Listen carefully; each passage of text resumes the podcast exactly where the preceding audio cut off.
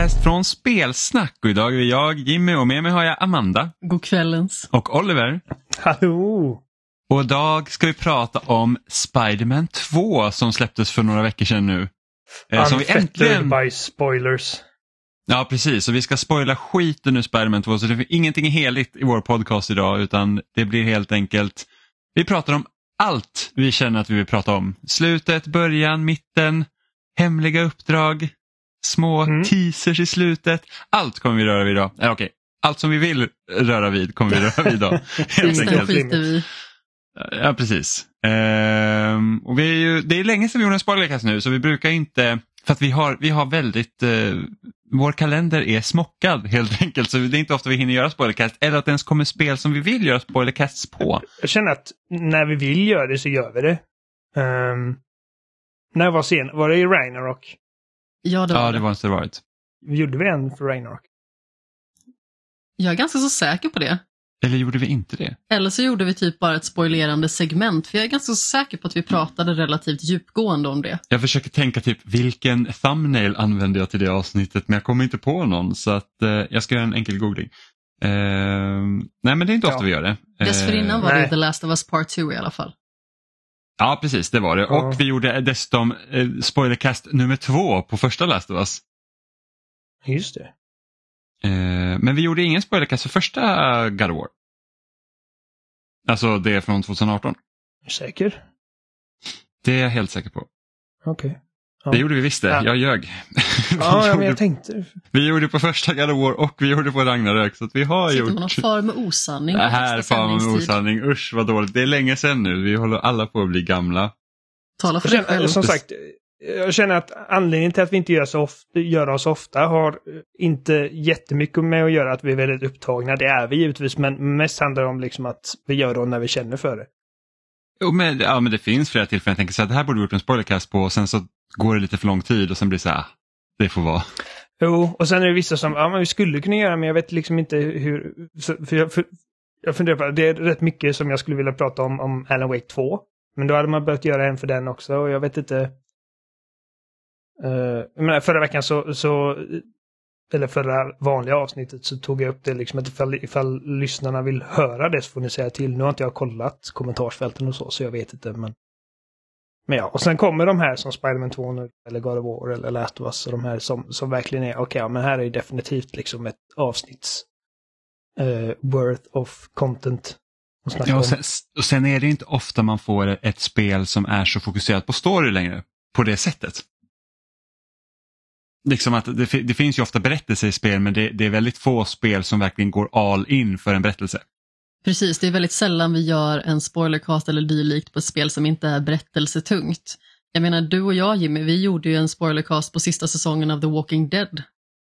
Ja. Det var ju skämshögen förvisso. Men den delades ju också i spelsnack. Eller det var liksom ett Mm. samarbete däremellan innan jag började i podden.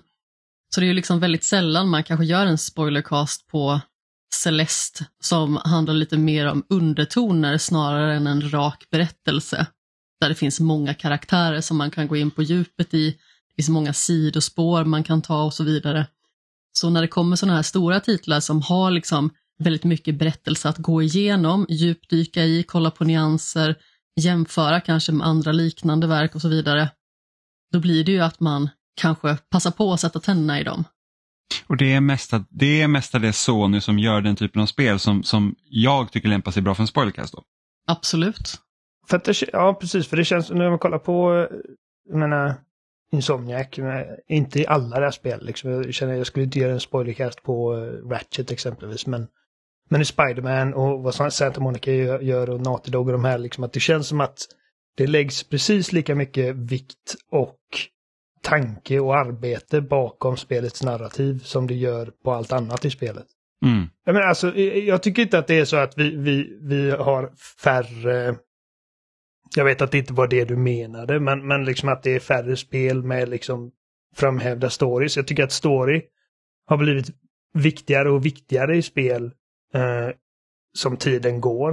Eh, liksom, även om man kollar på ett spel som Celeste som jag skulle säga liksom har en ganska, ganska gripande story och kollar på liksom plattformar av den typen från liksom två decennier innan så är det inte nödvändigtvis att liksom story ens hade varit på kartan för, för det spelet. Men nu har vi liksom även liksom renodlade multiplayer-spel behöver ha någon form av liksom övergripande narrativ liksom säsong till säsong.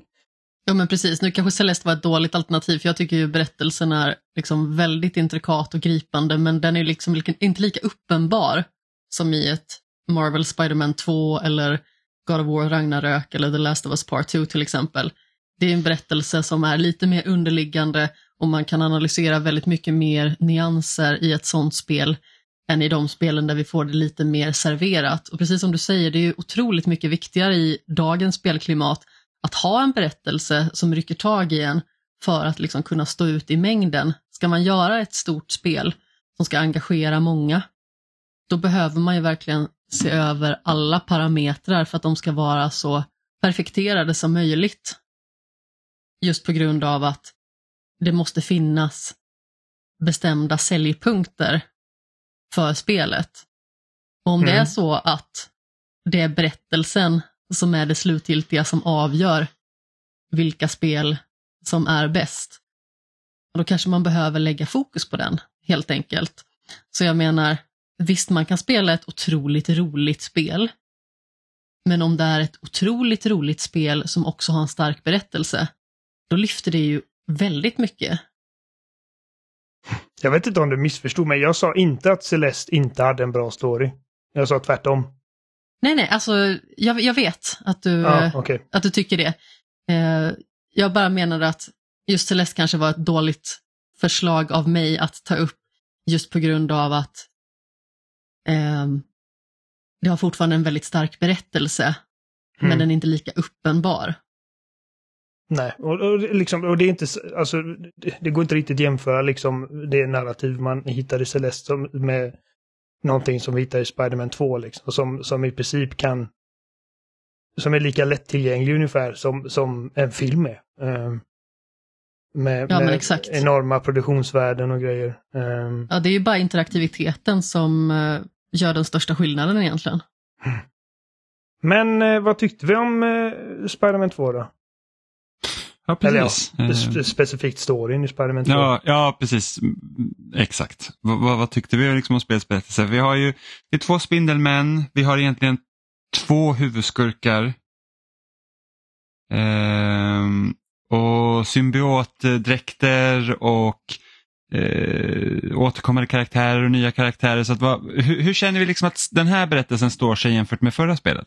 Ja, alltså berättelsen i det här spelet tar ju egentligen vid efter händelserna i föregående spel och fokuserar ju väldigt mycket på att Harry Osborn kommer tillbaka in i bilden. Vi har sett i tidigare spel att han är dödligt sjuk och att man jobbar liksom på ett väldigt alternativt botemedel. Han kommer tillbaka, pigg, alert och det är någonting som har hänt med honom.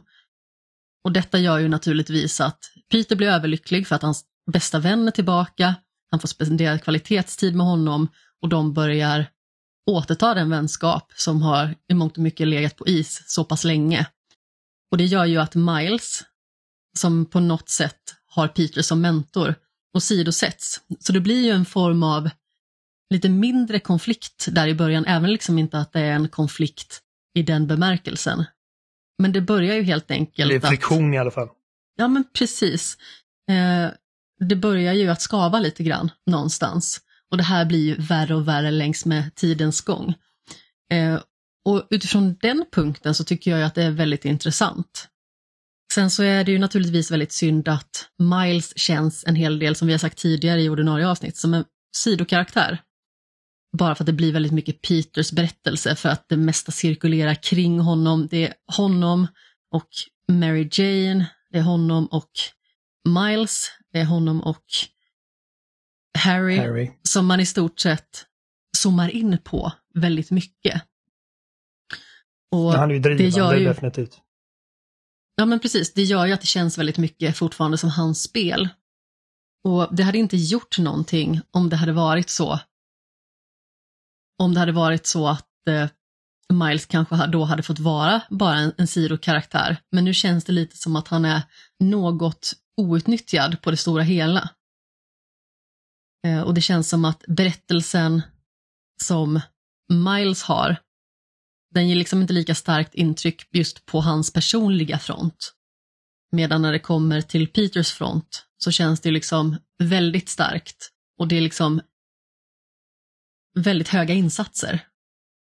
Någonting som jag poängterade redan eh, första avsnittet efter att spelet hade släppts var att jag kunde liksom identifiera de stora beatsen i berättelsen från all världens väg. Och det alltså, så, så, så, när ettan var slut och även då med Miles Morales i backspegeln, så det jag på förhand kände liksom att det här är liksom givet att det kommer hända. Är att Harry kommer tillbaka, det är han som har symbioten och det är han som är Venom. Liksom med tanke på den cliffhanger vi fick i, i första spelet. Det kändes som, det kändes som en självklarhet. Mm, vilket även spelets creative director Brian Interher sa. Liksom, han bara, det var ju självklart att det Harry skulle vara symbioten. Han, han liksom hade lite svårt att förstå att, no, att folk började spekulera annorlunda. Men sen så spädde de ju också på det när folk började fråga. Liksom, bara, men vem ja, är egentligen för... symbioten? Och då bara, men då säger inte vi. Men han sa ju liksom det att vi, vi visade ganska tydligt i slutet av första spelet vem som är Alltså om det är Venom i spel 2 så vet vi vem som kommer vara Venom på grund av det. Mm. Och, så, så det visste man och jag visste också att eh, Peter kommer få symbioten och liksom, så det, det, visste man redan också innan man fick se att han faktiskt hade den dräkten i den gameplay-snutten helt enkelt för att Eh, Brian i intervjuer efter första spelet sa liksom att vi la inte in den svarta dräkten för vi känner att det är en berättelse som förtjänar att berättas liksom ordentligt. Och jag bara okej, okay, så black suit. Och jag visste också att, ja, men jag säger visste, men, men jag, man vet ju inte, men jag, men jag kände på mig liksom att okej, okay, Miles är den som kommer liksom dra ur Peter från liksom dräkten, liksom, alltså den mörka influensen från dräkten. Och, eh, och sen så slåss de mot Venom och eh, bla bla. Så, så alla de liksom stora beatsen. det var liksom väldigt förutsägbar sekvens av grejer. Sen så var det ju grejer som mellan de biten som förvånar mig. Jag, jag räknar inte med att se MJ bli Scream exempelvis. Carnage är med. Uh, ja, inte riktigt, men, men uh, Cletus Cassidy är med. Ja, de, de sår ett frö till Carnage.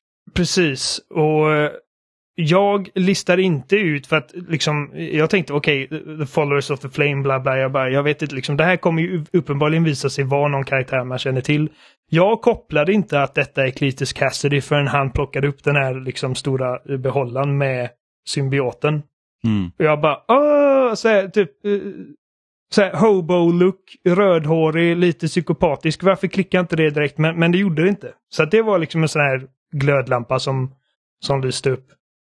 Ja, men precis. Och om det är så att man inte fortsätter att spela efter att eftertexten har rullat, då är det ju någonting som man faktiskt inte kommer få se i och med att det är ju ett sidouppdrag som i mångt och mycket triggas efteråt. Eller är det...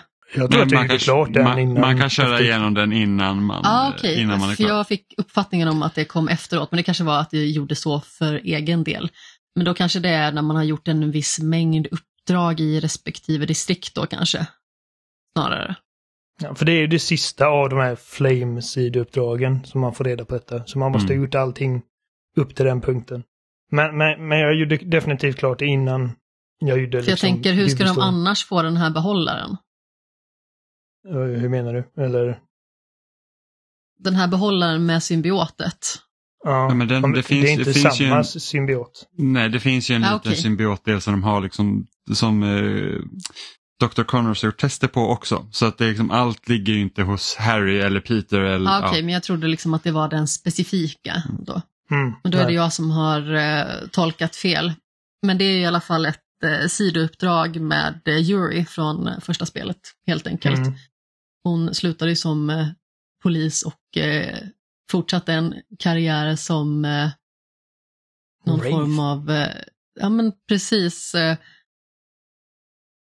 lite Batman-aktig. Alltså, finns det något bra ord för vigilante på svenska? Vigilante. jag, har, jag har i huvudet nu men jag kommer, jag kommer inte på det. Eh, vad det är. Jag hade ju glömt vad, alltså de här DLC till första spelet är liksom verkligen... Ja, jag minns verkligen. Det gjorde inget avtryck på mig. Jag har inte Eh, spelat dem. Nej, och, och där, där, så att det är ju där man får se liksom hur, hur- Jury hamnar i den här ehm, i den här situationen. Liksom att hon överger polisen och Mm. liksom går en annan väg. Och jag hade helt glömt av det. Jag bara väntar lite. Hur, han, hur gick du från polis till detta? Men medborgargardets medlem står det på, Ja, står det på precis. Google. Och det är väl kanske snarare en person som använder lite alternativa medel. Det kanske inte är en superhjälte i det ordets bemärkelse, utan Ja, hon skulle Det kan nog vara kalla sig lite- superhjälte. Nej men precis, det kan vara lite okej att eh, göra lite skada under vägens gång, så länge målet nås, om man säger så. Hon vill ju döda den här människan. Liksom. Ja, men precis. och, och hon säger, och det, det är där, där det blir en konflikt mellan henne och Peter, för Peter säger liksom att vi dödar inga. Och hon säger det till Nej, honom första gången som de slarvar bort honom. Hon säger liksom att jag, jag, blir, jag ligger hellre sömnlös över den en, liksom enda personen jag har mördat än alla människor jag, jag missat att rädda. Ja, men precis. Batman var kanske lite dåligt... Eh, Men, all, eller, Ja, men, vi, fa- vi fattar vad du menar. Alltså, ja, liksom, ja, men det är ett genomgående tema i hela spelet. Det här med att hur man beställer sig till skurkar och om de ska typ leva eller dö eller inte och vad som egentligen är bäst. För, och, och det är egentligen någonting man pratar om i samhället i stort också. Så att är du för dödsstraff eller inte för dödsstraff? Eh, är det inte bättre att ta livet av den här ena för att rädda flera? Liksom? Och, och, och, tittar man på ett typiskt liksom, superhjälteproblem, det är det här att de dödar ingen och de kommer ut igen och de gör mer skada. Liksom Mm. Varför, varför liksom tar man inte ur dem ur spel då? Eh, för att då hade man kanske kunnat rädda då eh, oskyldigas liv. Och det är ju egentligen ett tema i hela spelet för tanke på att eh, Craven är ju i eh, Craven är ju i New York för att leta då efter liksom, den sista, hans sista hand liksom, för att han, han är Mm. dödligt sjuk. Eh, och, och, och de riktar, alltså han är egentligen ingen skurk, han riktar in sig på skurkar att ta ut. Mm. Så, att- så att det är egentligen så att det är så vi får se många av liksom så här kända Spiderman eh, superskurkar liksom som har dött för att eh, Craven har haft ihjäl dem. Och, och, och vi försöker ju rädda flera liksom under spelets gång också för att vi vet att Craven är ute efter dem. bland annat Eh, Lizard, då Dr. Ja, Connors. precis. Eh, Och Dr. Connors som Lizard är ju ond men Dr. Connors är inte ond. Eh, Även i serietidningen då. Och det märker man ju när, när man får vara på, på, um, på Coney Island, eh, ett uppdrag där, eh, där Craven kommer in där. Och där får vi se att flera, ja men typ Tombstone är ju sån skurk som, som jobbar på Coney Island och han är god nu. Men han är Craven- rehabiliterad liksom. Precis, men Craven anser att han är liksom är ond eh, och därför jagar de honom.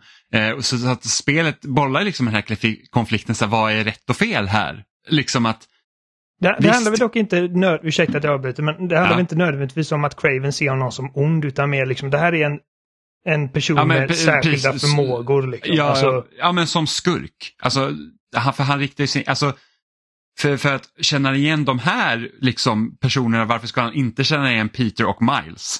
Eller var, varför jagar han inte Spiderman från första början? För att de är ju kända. Det är liksom, känner man igen var inte typ... Spiderman på hans lista då? Nej, han var ju inte det. Alltså de har ju sett Spiderman flera gånger och de typ bryr sig inte om Spiderman förrän typ senare. När han Okej. liksom visar sig då vara, alltså så som jag tolkar jag kanske har missat någonting Mm. helt där men, men, men, men liksom i början när man möter Craven, Craven bryr sig typ inte om Spiderman. Han bara, åh det där är en typ lustig person. Som, som har massa förmågor men de jagar ju fortfarande deras liksom, Eller för sig, om man, om man känner till Spider... För, alltså, Cravens ultimata mål är att han, han ska bli liksom... Han vägrar dö i en sjukhussäng, så han ska hitta det värsta monstret. För Mm. att ge han den mest glo glorious döden. Och han, och han identifierade Spiderman som någon som aldrig kommer ge honom en död. Liksom. förmodligen, förrän, för, förrän Peter har symbiotdräkten. då. Ja. Men, men då går han ju också på skurkarna. För att Craven, om jag minns rätt nu även i serietidningen, så Craven är egentligen inte en en skurk i det avseendet att han typ letar efter världsherravälde eller liksom ska typ ta över hela stan utan det är typ så här jag jagar och Ja, jag det är behöver, en det, det, det är ju så han för honom. Ja, och det är typ så han kommer i kontakt med Spiderman. Han vill liksom jaga Spiderman för att Spiderman är då ett typ ett monster. Eh, För att han är liksom inte då normal. Hans mål är inte att ha makt över den lilla killen så att säga. Ja, men precis. De bollar ju med de här frågorna i spelet också. Liksom att, för att det är lätt också att tänka så här, ja men självklart ska du ta ut den här skurken för att vi har ju sett nu flera gånger att de här kommer ju ut igen och fortsätter göra brott. Men då har de också tagit med andra liksom skurkar som faktiskt är rehabiliterade och gör gott. Och, och, och, och hela Miles egentligen eh, storyline i det här spelet går ju väldigt mycket ut på det också för Mr Negative är ju ond tills han inte är det för att man liksom man gör någon så här, man, man behöver hans hjälp, man fixar någon tillit till honom och man liksom typ egentligen förlåter honom. Och han liksom säger bara, ah, men jag är egentligen inte, alltså i grund och botten är ju inte skurkarna onda egentligen utan det, det, det är ju massa Ah. olika problem som går till. Så att, Det finns ju naturligtvis nyanser i det där och vissa är ju mer ondskefulla än andra. Men Mr Negativ är ju också en sån person som från början inte är ond. nej, Utan precis. det är ju någonting som sätter igång det så att han, gör, så att han blir Mr Negativ. Och sedan så har han liksom lagt det bakom sig. Mm. Han, han föll offer för sitt hat. Liksom. Och, Ja, och det, precis. det, det är som, re, rehabilitation är ju som sagt ett övergripande tema. Inte bara med Tombstone utan också liksom Peters liksom, väg tillbaka från symbiotet. Och Miles, att liksom, han behöver också lägga undan sitt hat för att det är liksom ingenting som... Han, han brottas med detta genom, fr- från första början. Eh, liksom det Precis. när han till slut, liksom, han säger bokstavligen liksom jag kan inte förlåta dig men jag kan inte bära det här hatet längre. Mm. Och detsamma med Det är Mysterio. en av mina som- favoritdelar i spelet.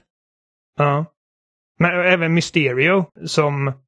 Det var liksom Ja. lite fram och tillbaka så här, eh, will he, won't he, liksom. För att det börjar så, okej, han, har- han ska göra utmaningarna. Eller eh, Next Generation of Entertainment.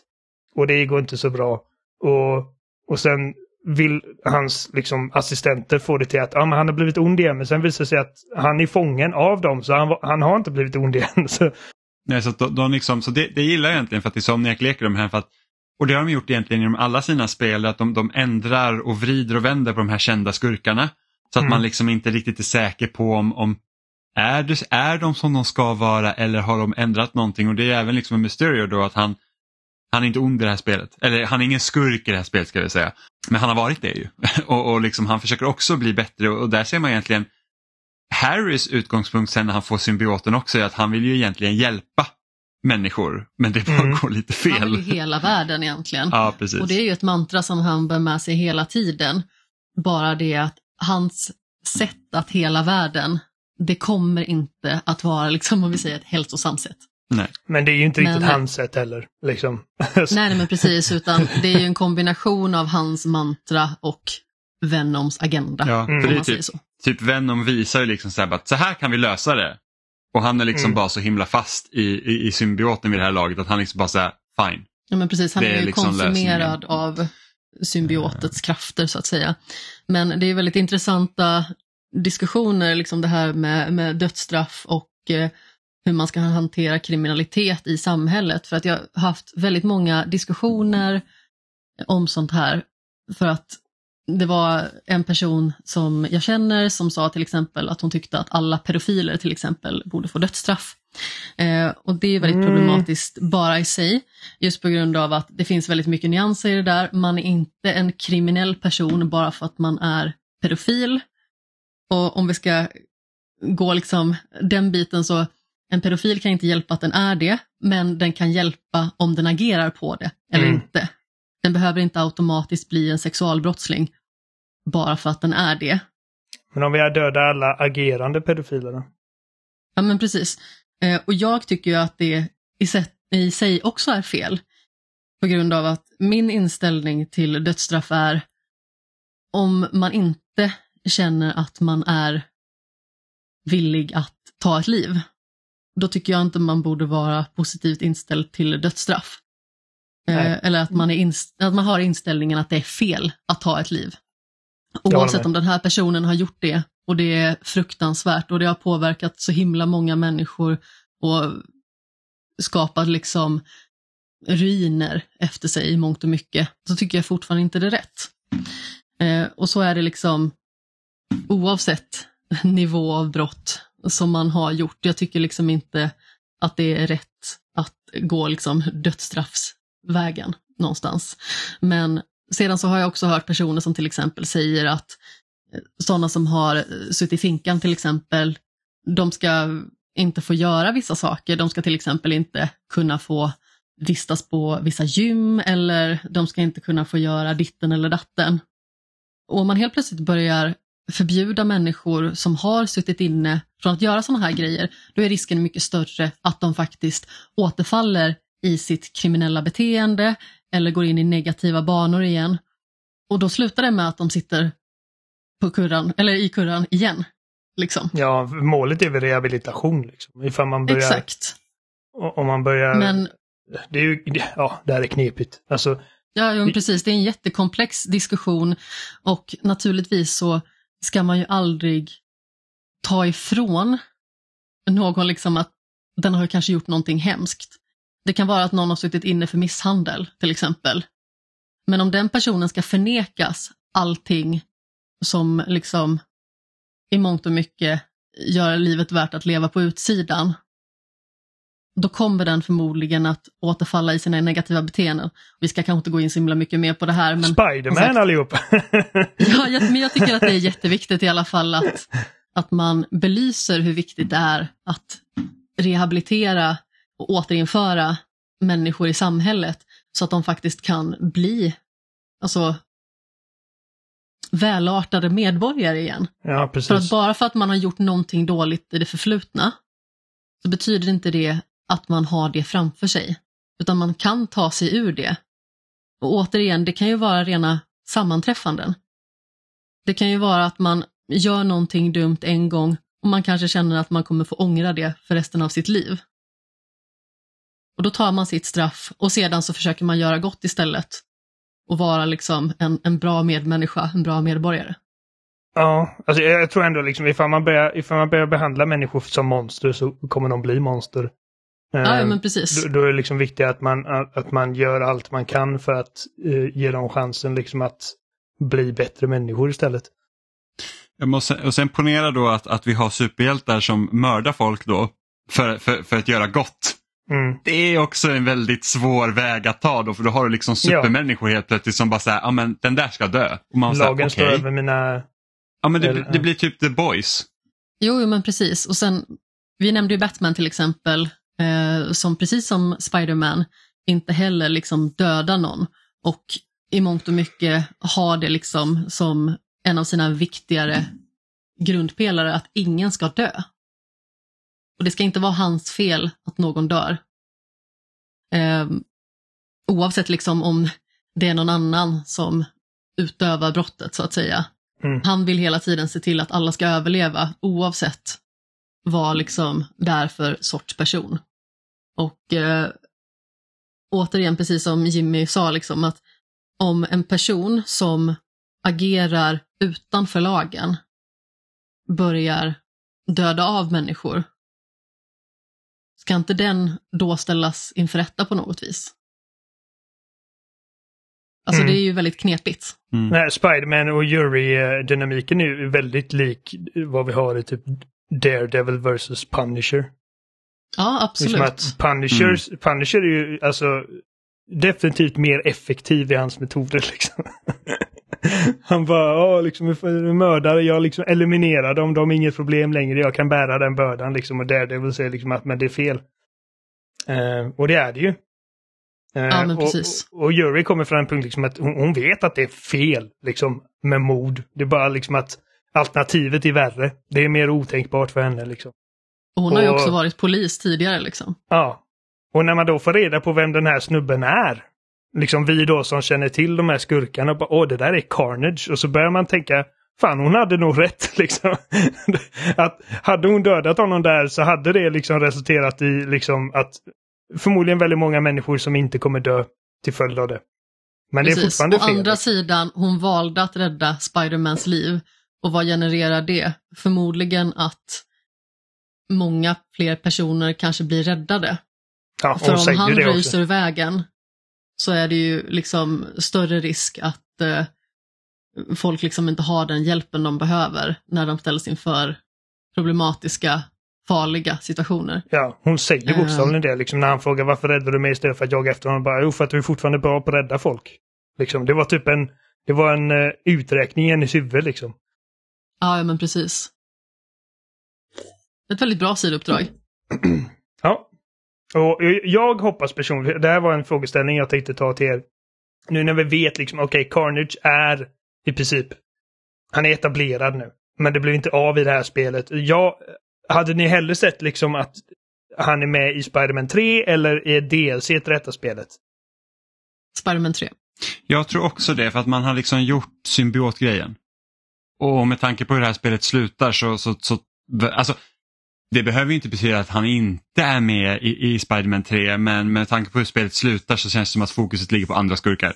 Och det känns också kanske som att det är en lite för stor grej för att bara pilla in i någon timmes DLC. Ja, men Det, det beror också på hur de gör det. Så de kanske gör liksom en, alltså, det skulle kunna göra, alltså, vi vet inte om de kommer göra typ ett mellanspel som typ i stil med Miles Morales. Kommer vi få liksom eh, nå- någonting där eller? Så här, eh, bara kort, vi har fattat. eh, Vad, Amanda sa Spider-Man 3, vad säger du? DLC eller Spider-Man 3?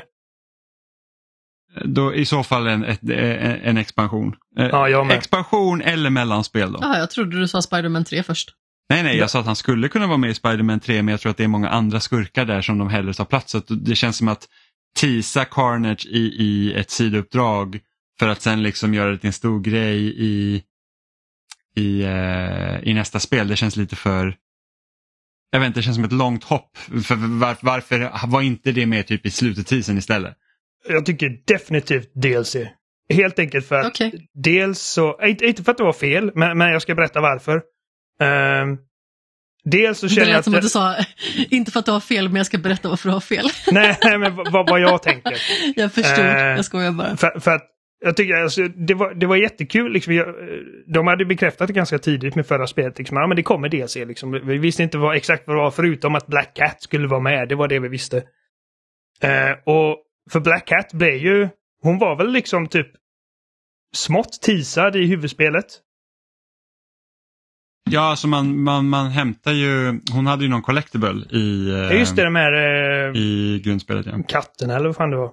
Ja, och, Ja. och jag ser det som att det här är det här spelets eh, Black Cat. Och en av de stora problemen med DLC i första spelet var liksom att den ultimata skurken var Hammerhead. Vem fan är Hammerhead? Vem bryr sig om Hammerhead? Ja, just det att jag hatar honom. Carnage däremot. Där har vi en karaktär som är stor nog liksom att alla Spiderman-nördar, eller ja, även folk som är löst intresserade av Spiderman vet vem Carnage är. Däremot känner jag att han är alldeles för lik Venom för att det inte ska kännas liksom lame att ha honom i trean. Så, för att jag känner liksom att hela den här symbiotdelen, jag vill, jag, jag vill se att det liksom blir wrapped up inom ramverket som är Spiderman 2. Där det Ja, började. men det kan jag också förstå. Och då, då, och då, löser man dels, okej, vi wrappar upp symbiot-storylinen inom Spider-Man 2. Och vi har en skurk som faktiskt folk är excited för till ett DLC. Liksom. För att Hammerhead suger balle, men samt, samtidigt förstår man ju liksom att man hade ju inte sparat någon jättepopulär skurk för DLC. Man hade ju inte sparat Dr. Octopus till DLC eller, eller ens eller ens någon av de andra skurkarna man har där utan de vill ju liksom använda dem till huvudrätten. Men här har vi en karaktär som är liksom så lik Venom att det känns som att man kan spara Carnage till ett DLC utan att liksom folk känner att oh what the fuck. För hade, hade inte Venom varit med i det här spelet så känner jag liksom att då hade man nog då hade man kunnat teasa Carnage i detta och ha med honom i trean. Men eftersom att vi liksom hela spelet kulminerade i den här stora jävla symbiotstaden. Jag tycker det känns mer rimligt liksom att man, att, att som en extra då DLC eller expansion. Att det är Mm. så man Ja, men sätter det- P på det. Det känns ju garanterat som att eh, Green Goblin kommer vara en av de förmodligen två största skurkarna då i nästa spel. För det känns Ja. ju lite som att de kanske Tveklöst. följer den formulan. I första spelet så var det Mr Negative och det var Dr. Octopus. Och sen så i det här spelet så var det Craven och Venom. Så det känns ju som att det kommer vara han och en till. Men innan Ja, vi går men- in på det, jag, jag, jag är lite nyfiken på för att du, du sa ganska eh, snabbt liksom Spider-Man 3, så jag, så jag undrar liksom vad, vad, vad hade varit vad hade varit fördelen med att vänta med Carnage till Spider-Man 3? Nej, men jag vet inte. Eh, kanske ett eh, sätt att länka samman spelen ännu mer på något sätt. Mm. Men eh, som sagt, ni gör väldigt eh, vettiga poänger i det här resonemanget och ni är ju mycket mer insatta i Spider-Man än vad jag är. Är det någon superhjälte som jag har lite bättre koll på så är det ju definitivt Batman. Och jag har inte jättebra koll på Spider-Man. Första gången jag liksom verkligen satte mig in i Spider-Man var ju egentligen med Marvel Spider-Man från 2018. Ja, okej. Eh, och anledningen till att jag gjorde det, det var ju att det såg väldigt mycket ut som att det hade hämtat influenser från Batman Arkham-serien i hur man rörde sig och Mm. hur man styrde karaktären. Det var ju verkligen det som fick mig exalterad. Någonting att faktiskt känna att man kan bita tag i igen som ger samma känsla. Den här liksom dansen i striderna. Mm. Mm, Men vad, vad tycker ni om hela liksom symbiot-storylinen? För det är egentligen en, det, det är den stora grejen med Spider-Man 2 egentligen. Ehm, liksom från att, från att Peter egentligen får dräkten till att man lyckas slå ur honom den och tills att Harry faktiskt blir Venom. Jag tycker att det är väldigt bra att Peter ändå liksom får ha dräkten på sig ett ganska så bra tag så att man liksom verkligen förstår för sig själv hur stor skada den gör på något sätt. Alltså det är ju en sak att liksom se det från sidlinjen på något sätt, att någon annan påverkas. Men liksom när huvudkaraktären påverkas så starkt och i mångt och mycket inte kan slå sig ur den per egen maskin, då förstår man ju liksom också att det är någonting kraftfullt man har ställts inför. Och för den delen liksom att det här är någon form av utomjordisk eh, formula som kan hela cancer temporärt, som kan hela liksom ett, ja, det är väl ett ett knivhugg är det väl? Ja, han blir så, som, alltså, som, så som jag skulle säga egentligen så att den, den kan, när man har symbioten på sig så, så, så kan du i princip inte dö. Ja, men Alltså, precis. per- pulveriserad liksom. Nej men precis, men the host kan liksom inte dö av vanliga skador. Den lagar precis. dina celler för snabbt. Mm. Jag, jag, jag, jag tycker att symbiotdelen av storyn är den som funkar bäst. Och precis som Amanda säger, liksom, det är liksom det är nödvändigt att man, att man får vara Peter med Black Suit ett tag för att se den liksom gradvisa utvecklingen han gör. Eh, det hade varit jätteweird ifall han fick den och bara pum, hey MJ you suck. Det är också häftigt att få spela som Venom och faktiskt liksom se hur jäkla jävligt häftigt. kraftfull han är. Det, det, det är en av de mest effektiva grejerna de kunde gjort för att etablera hur farlig han är för att...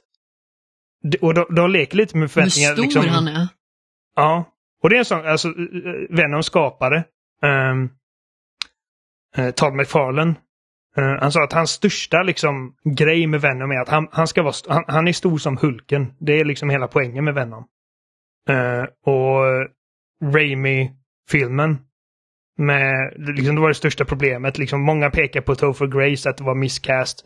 Och det kan man ju säga, men, men han, han, han, han har alltid sagt liksom att de bara, han är inte en stor, han är inte ett monster liksom. Alltså han är liksom människosized. Och det är ett problem. Ja, och det är ju en grej liksom i serietidningen när Venom introduceras att det, är ju, det blir ju nästan som, som skräck. Mm. Liksom att han gömmer sig, i, alltså helt plötsligt dyker han upp hos Mary Jane liksom och bara är, är typ i badrummet när hon går in och liksom bara så här och typ bara viskar liksom och hör det här liksom äckligt och liksom bara så här, hon är ju livrädd och bara ringer efter Peter och liksom bara så här, du måste komma hit typ.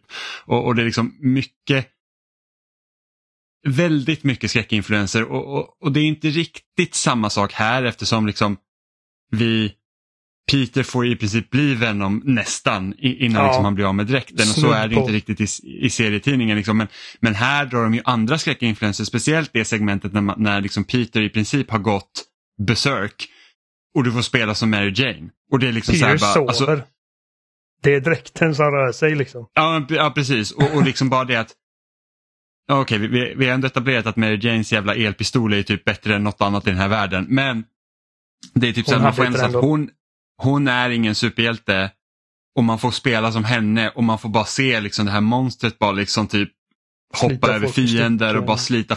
Och liksom bara helt alltså, Och sen det- jagar det var- den henne. Det, det, det är den bästa delen, eller smartaste användandet av Mary Jane som protagonist i det här spelet. Och jag tror att det, var så, det är så viktigt att jag tror att det, det är liksom Mary Janes liksom bästa liksom spelmässiga funktion i det här spelet. Är att vi fick liksom se Venom ur ett annat perspektiv som heller inte är en superhjälteperspektiv. Mm, precis. Så att, här, väldigt Peter säger typ effektfull del. run liksom. Hon bara ah!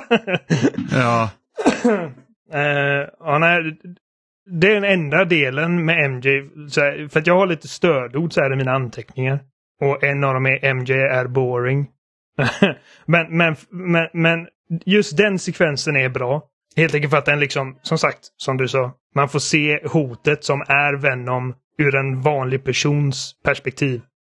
Hon är ju betydligt bättre i det här spelet än det första. För här har hon ju lite mer agens också och det känns som att hon är liksom mer involverad i berättelsen tillsammans med Peter och Miles.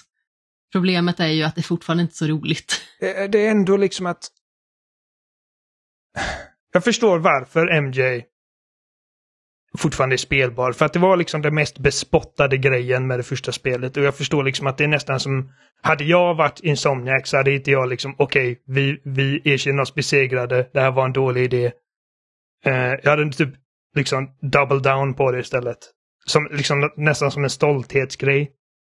Men det är ändå, alltså... I ett Spiderman-spel så är jag inte intresserad av att spela som, som Mary Jane. Så här Daily Bugle, så här Snooper och smyga runt i stora fiendebaser och med liksom historiens mest bare bones stealth-mekanik. Det, det är bara, det, det är så jävla lame. Det, det är bara, jag, jag är inte så förtjust i MJ i det här spelet. Och det här var någonting som jag, liksom ett av mina största problem med storyn. Som jag försökte liksom peka på eh, föregående avsnitt men som jag inte kunde liksom gå in på detaljer. Jag bara hatar tonen i det här spelet många gånger. För att... Och, och det kulminerar liksom i det här när MJ, Miles och Peter de står inför det här liksom, okej hela stan är övertagen av den här jävla alien-geggan som gör folk till monster. Vi måste komma upp med en plan och de står där med sitt jävla monopolbräde eller vad fan det är och skämtar. Och sen så står de utanför den här grottan som är liksom bokstavligen typ gapet in till helvetet. Och MJ, fucking MJ, liksom bara, alltså, okej hon är badass, hon är modig, men hon är ändå bara liksom MJ och hon liksom, hon har inga problem med att gå in i det här liksom monsterhålet. Det finns ingen tension överhuvudtaget. Det finns liksom inga blickar som liksom antyder att gud, det här kanske är sista gången vi ser varandra vid liv. Inget liksom, de bara skojar och bara oh yeah, go Spider Team, don't you forget it. Jag bara håll käften! Var, visa lite rädsla för fan. Liksom, alltså det är verkligen Det blir dödar, för glättigt. det dödar dramat i storyn för mig. Och sen visst, liksom, okej, MJ har sin pistol, liksom tre små sådana här liksom skott på en sån här uh, symbiotfiende. Och de går ner medan Miles med sina jävla typ elektrokrafter liksom får slita röven av sig för att få ner en av dem. Det blir liksom... Ja, och det segmentet tyckte inte jag var så roligt heller när man liksom Nej. ska smyga och hämta den här... Eh, jag har glömt helt vad det är. sten, meteorit. eh, Ja, men precis. Jag vet precis vad det är för någonting, jag ser det framför mig, men jag kommer inte ihåg vad de kallar det. De kallar den Men- bara men- block eller vad? Jag tror att de har något mer avancerat namn än sten, men skitsamma. Hon ska smyga runt bland massa äckliga liksom, symbiotmonster. Och de har ju liksom världens sån här hyperreaktion och alla märker om någonting händer. Naturligtvis är inte det så jättekonstigt, men jag känner mig bara så stressad på ett onödigt sätt i det segmentet för att om det kommer någon så kan man ju typ inte slå tillbaka. Jag kände tvärtom. Jag bara, jag är odödlig. Jag pekar på dem och trycker avtryckaren så går de ner direkt. Alltså det... Jag sköt ju vilt omkring mig eh, när de väl liksom började reagera på mina skott. Ja, det, det, det har väl liksom hur, hur bra det är på shooters generellt. Jenny klarar inte det alls. För att hon har jättesvårt att styra två spakar samtidigt. Så jag fick göra Ja, det men åt alltså, henne. jag hade inga problem så sett, utan det var liksom mer att eh, till skillnad från typ när man spelar som Miles eller Peter så kan man inte göra någonting vidare sneaky mot de här symbioterna. Utan skjuter man ett skott på dem eh, så reagerar de och eh, det blir liksom någon form av alert till de andra också att hänga på. Mm. Ah, är det, är det sög. Och, och, och men men som sagt, jag bara, jag bara hatar hur, hur, hur lätt stämningen är i gruppen liksom inför det här typ monumentala jävla skräckfilmshotet.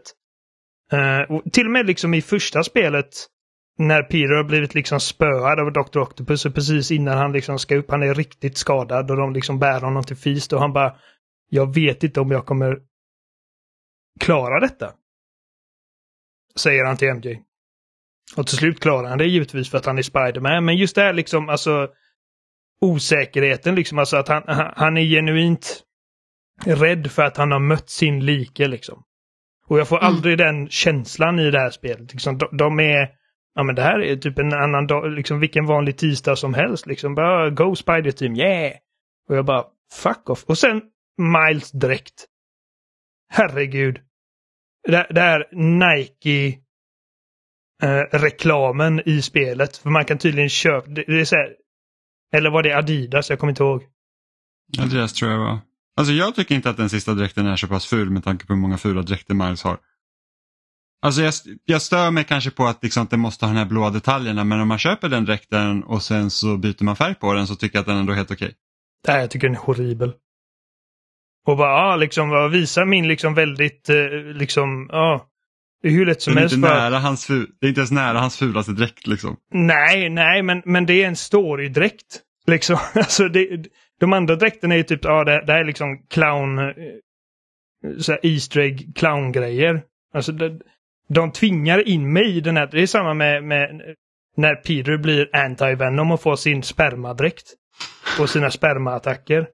Och jag bara, det här är hemskt. Liksom. Och jag, jag bytte, så fort de två fick sina nya liksom så här klimaxdräkter. Nej, klimax. Så, så bytte jag tillbaka till de vanliga och sen så i nästa mellansekvens så tvingar de in mig i de här fula dräkterna igen. Jag vet inte, alltså, jag, jag, jag är en sån här Spiderman gate, gatekeeper.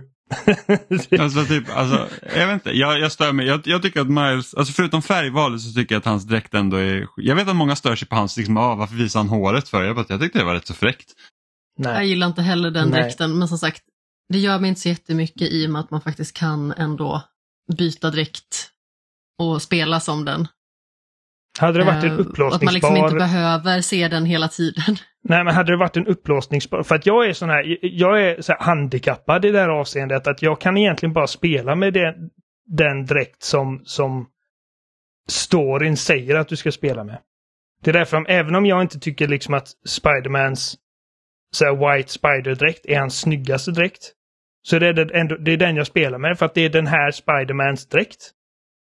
Ja, jag, jag, jag körde typ Classic Suit, jag körde Tobey Maguire Spiderman Suit. Nej, jag kan inte. Och sen, jag tror på Miles så kör jag typ den här Daft Punk-dräkten mest. Ja, den är ganska cool. Som också är horribel. den. den, den, den körde jag nog mycket med i... Den körde jag mycket med Miles Morales också. Eh, sen så älskar jag ju Spiderverse-dräkten eh, för Miles.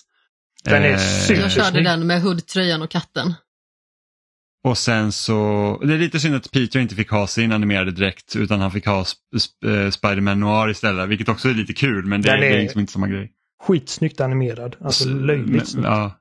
Men Peter har många snygga dräkter, det måste jag ändå säga. Nej, men eh, alltså, eh, hade, hade Miles direkt varit en sån här liksom upplåsningsbar grej som han hade fått i slutet av ett sidouppdrag, det finns massa sådana. Det hade inte stört mig alls, men det här var liksom typ Canon in universe. Det här är liksom den dräkt han har valt att ha och jag bara, du ser ut som en jävla clown, gå och lägg dig.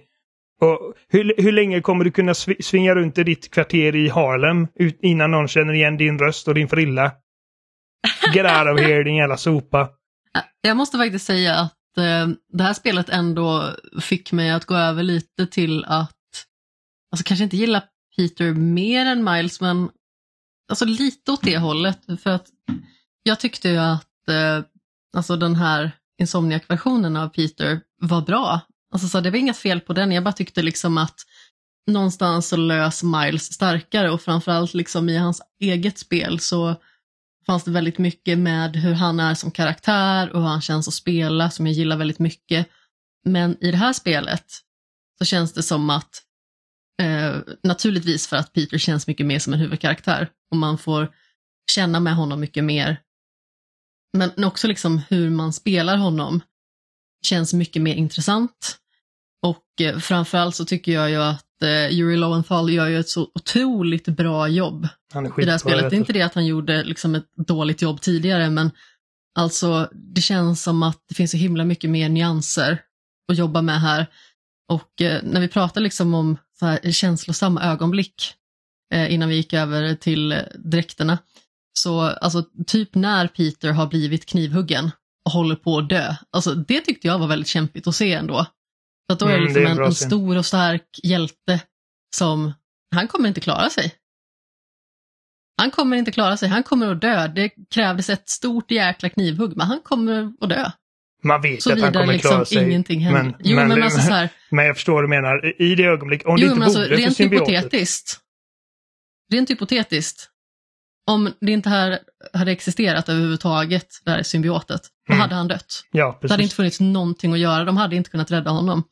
Och en sak som jag tycker är lite synd när det gäller sådana här känslosamma scener, det är ju när Harry i mångt och mycket, alltså han skulle kunna ha dödförklarats tror jag. Men han blir återupplivad av Miles och jag tycker att det är synd.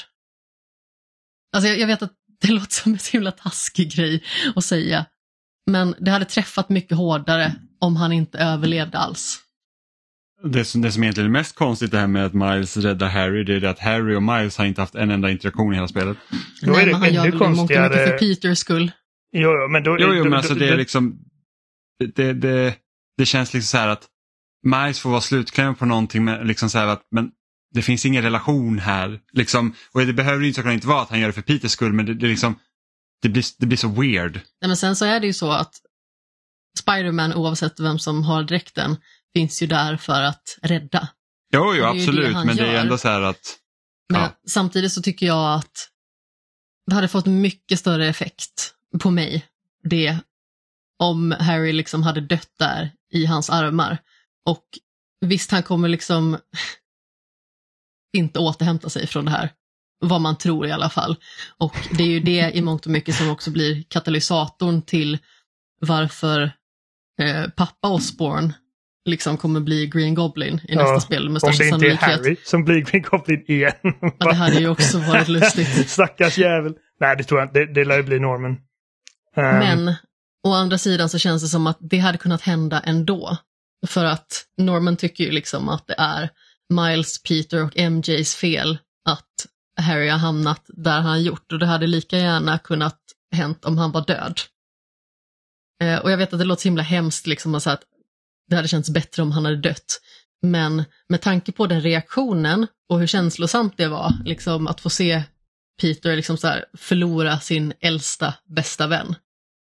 Så känns det ändå lite så här, ah, man är tvungna. Jag ser det lite annorlunda. För jag, jag känner att alltså poängen för att det slutar inte lyckligt för Harry.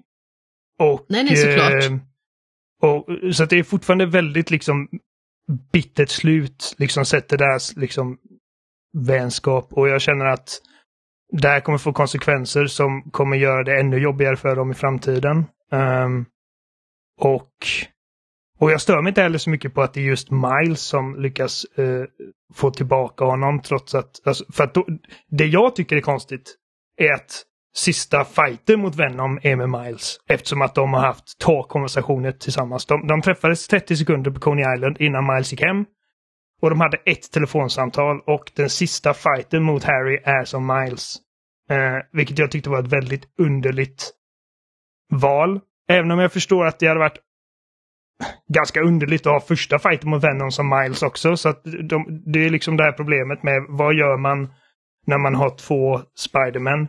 När vi ändå är inne på Miles så jag, jag, jag får säga Men, vänta, innan vi lämnar det bara. Jag tror att problemet är där att vi har fyra karaktärer som på något sätt slåss om eh, strålkastarljuset.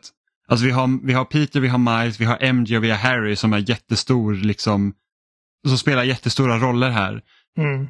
Och det, det hade, alltså medans Peter har eh, symbiotdräkten, där hade det funnits chans att också liksom försöka kanske utveckla någon form av relation mellan Harry, Miles och MJ till Ja, exempel. Men absolut. Miles, Miles får ju vara mer med MJ, vilket såklart att de känner varandra och, och, och Harry och Miles känner egentligen inte alls varandra. Eh, men där hade man kunnat göra någonting, liksom att okej, Harry blir allt sjukare och sjukare, Harry umgås med MJ, Miles ser att Peter drar, liksom, han, han, Peter distanserar sig för att han har hybris. Och han liksom tyr sig till MJ och där hade så här, Q Harry, liksom, då hade man kunnat få någonting mellan dem också. Så att det också hade kunnat kännas Ja, men att, att Miles kanske inte bara räddar Harry för Peters skull utan Miles kanske också räddar Harry för sin egen skull eh, Mm. också. Så att man får liksom lite den här emotional punchen för just nu är det bara så att okej men Miles kommer dit och bara, men jag, ja, som Amanda sa, alltså, jag, jag är Spiderman, jag räddar folk men det är liksom that's it. Det är Mm. ungefär som att typ rädda någon från ett brinnande hus i ett sidouppdrag. Jag gillar ändå att Miles och MJ kommer varandra närmare och att Miles liksom får spel i mångt och mycket på Peter och bara du kunde ha dödat henne. Mm. Det hade kunnat vara ditt fel om hon hade dött. Eh, och, och det gillar jag ändå. Att de faktiskt liksom så här, de kommer närmare varandra, de känner man är bra kompisar. Men det känns som att jag hade uppskattat om det hade varit ännu mer tid med de här andra karaktärerna också, liksom så att det knyts samman på ett bättre och starkare vis. Liksom att man ännu mer får se liksom Harrys kamp och hans desperation, för han är ju desperat, han håller ju på att coola vippen. Ja. Och jag känner för honom. Det, det, jag tycker att det här är en bra skildring av Harry. För att, eh, Absolut. alltså, det är lätt att dra paralleller till Amazing Spider-Man 2 där han dyker upp i den andra delen av berättelsen och är dödssjuk. Och behöver någonting från Spider-Man. Och sen blir, känner sig sviken av Spider-Man. Det, det, det är många liksom paralleller man kan dra.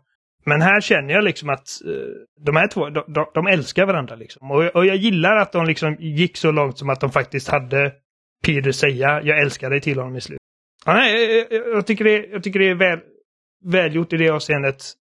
Men jag håller med, jag håller med dig Emil, liksom, det känns som att alltså, Miles är liksom där som en tjänst till, till en kompis liksom, i slutet. Och det, det går ju djupare än så givetvis för att Venom håller bokstavligen på att ta över världen liksom. Och det, det kan ju inte han tillåta liksom. Uh, men uh, men det, det, är en, det är en konstig grej och, och det är givetvis det är lätt för oss att sitta här och säga ja de kunde gjort si och så och de kunde gjort detta och de kunde gjort ditten.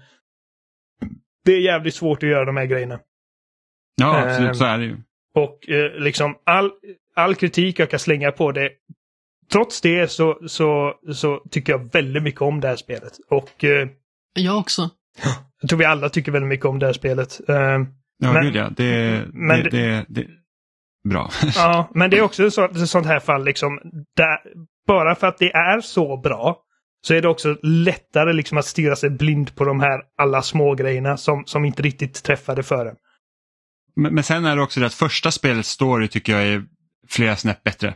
Jag det är med. liksom, att- eh, jag tyckte verkligen att storyn där, alltså det att vi, liksom, visst, vi vet om att Dr. Octavius kommer att bli Doc Ock, men vi visste inte om han skulle bli det i det här spelet eller hur hans ark ser ut i det här spelet och när han liksom blir Dr. Octopus, sa jag Ja, du sa Dr. rätt. Octavius? Ja, ja, bra, jag sa rätt, bra. Men sen när han blir Dr. Octopus då blir det ändå den här man bara, oh, alltså det där är liksom, där är Peters mentor och liksom så här att, och, och, och, och det märks också i storyn hur jobbigt det är för Peter och liksom det, alltså även, här har vi Harry då som hans bästa vän och det är liksom, det, det är inte samma, det blir inte den här stora, det, det känns inte på samma sätt. Det känns som att man hade behövt spendera ännu mer tid med Harry i början. Men det känns nästan som att liksom Harry också- borde ha varit med i första spelet, liksom mer. Så att man har liksom haft ett helt spel med deras relation. Ja, men alltså så här, jag tycker att man kanske hade behövt bygga upp det ännu mer i det här spelet också. För att man får ju det här härliga uppdraget när de är inne på skolan liksom och de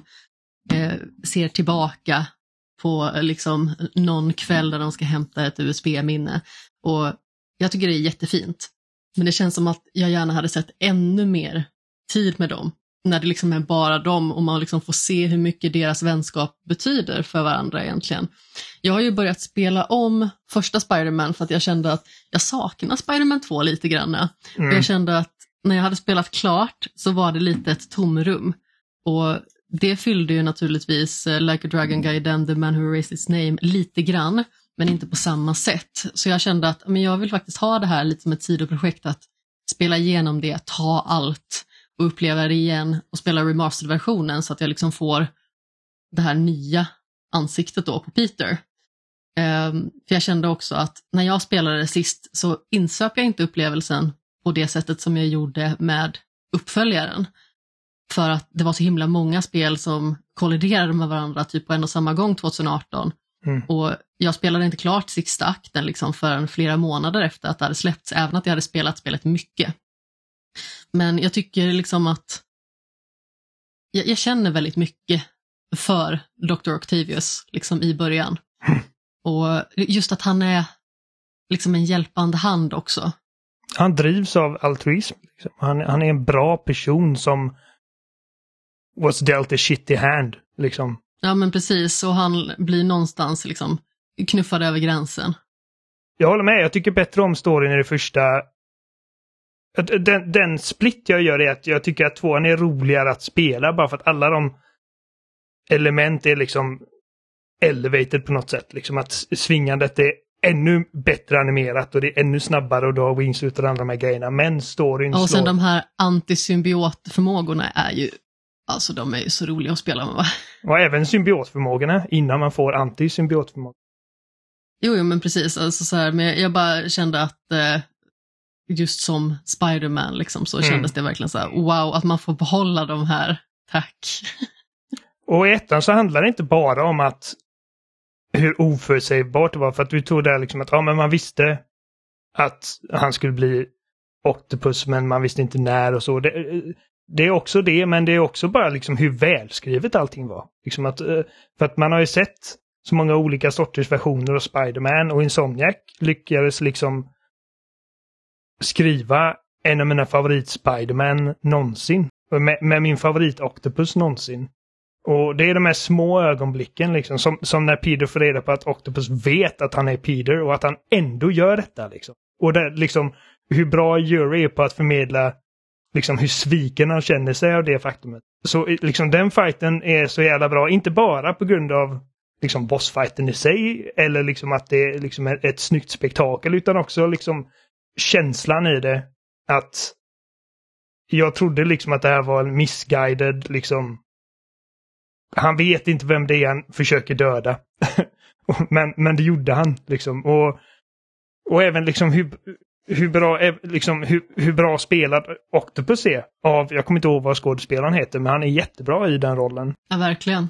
Och jag tycker också att det saknades lite tid med Harry i det här spelet. Inte nödvändigtvis liksom innan all skit hände, utan jag hade velat se mer mellan dem när de inte är på bästa fot. För att är, vi får en scen där Peter tittar in och det är den här scenen när när han säger liksom att ja, det är jag som är hjälten, inte ni. Liksom, och, och det är liksom riktigt trist stämning. Jag hade, jag hade behövt lite mer av den delen.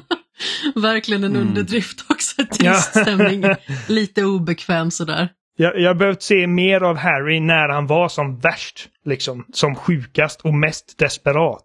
Och det är också liksom det lider av det liksom att som när Peter har fått av symbiotet och han återvänder till Harry. Och Harry tror liksom att oh, äntligen fick du av den, liksom, nu, nu, nu börjar det se bra ut och han måste säga att vi måste förstöra den. Och jag känner att jag hade velat ha den konversationen lite längre innan det liksom innan det bara exploderar och han blir Venom. Även om den scenen är ascool som vi har etablerat. Men lite back and forth, liksom det här liksom att jag jag försöker inte ha ihjäl dig, jag försöker rädda dig för att vad det än är du går igenom nu kan inte vara värre än vad detta är. Liksom. Alltså som sagt, allt, det är skitsvårt att balansera alla de här grejerna. Liksom, det är ett väldigt stort liksom, etablerat universum med decennier av historia och eh, man vill liksom göra sin egen spin på det men ändå vara trogen till förlagen och, och liksom sätta alla de här förväntningarna som fans har. Det är i princip ett omöjligt jobb. Och även att Spiderman liksom är en superhjälte som man ändå har fått se som är ganska så färggrann och har liksom en ganska så rejäl dos humor att leverera liksom oavsett vilken inkarnation man får följa egentligen så känns det som att vi uppskattar ju när det är lite mer jordnära och kanske lite mörkare.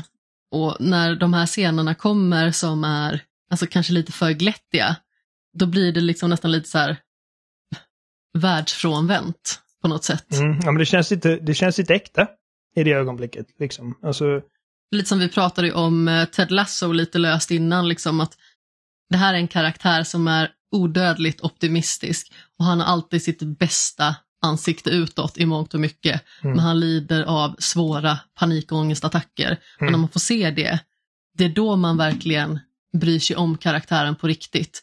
Man liksom avskriver inte karaktären som en korkboll liksom, eller en person som är ointelligent eller inte bryr sig.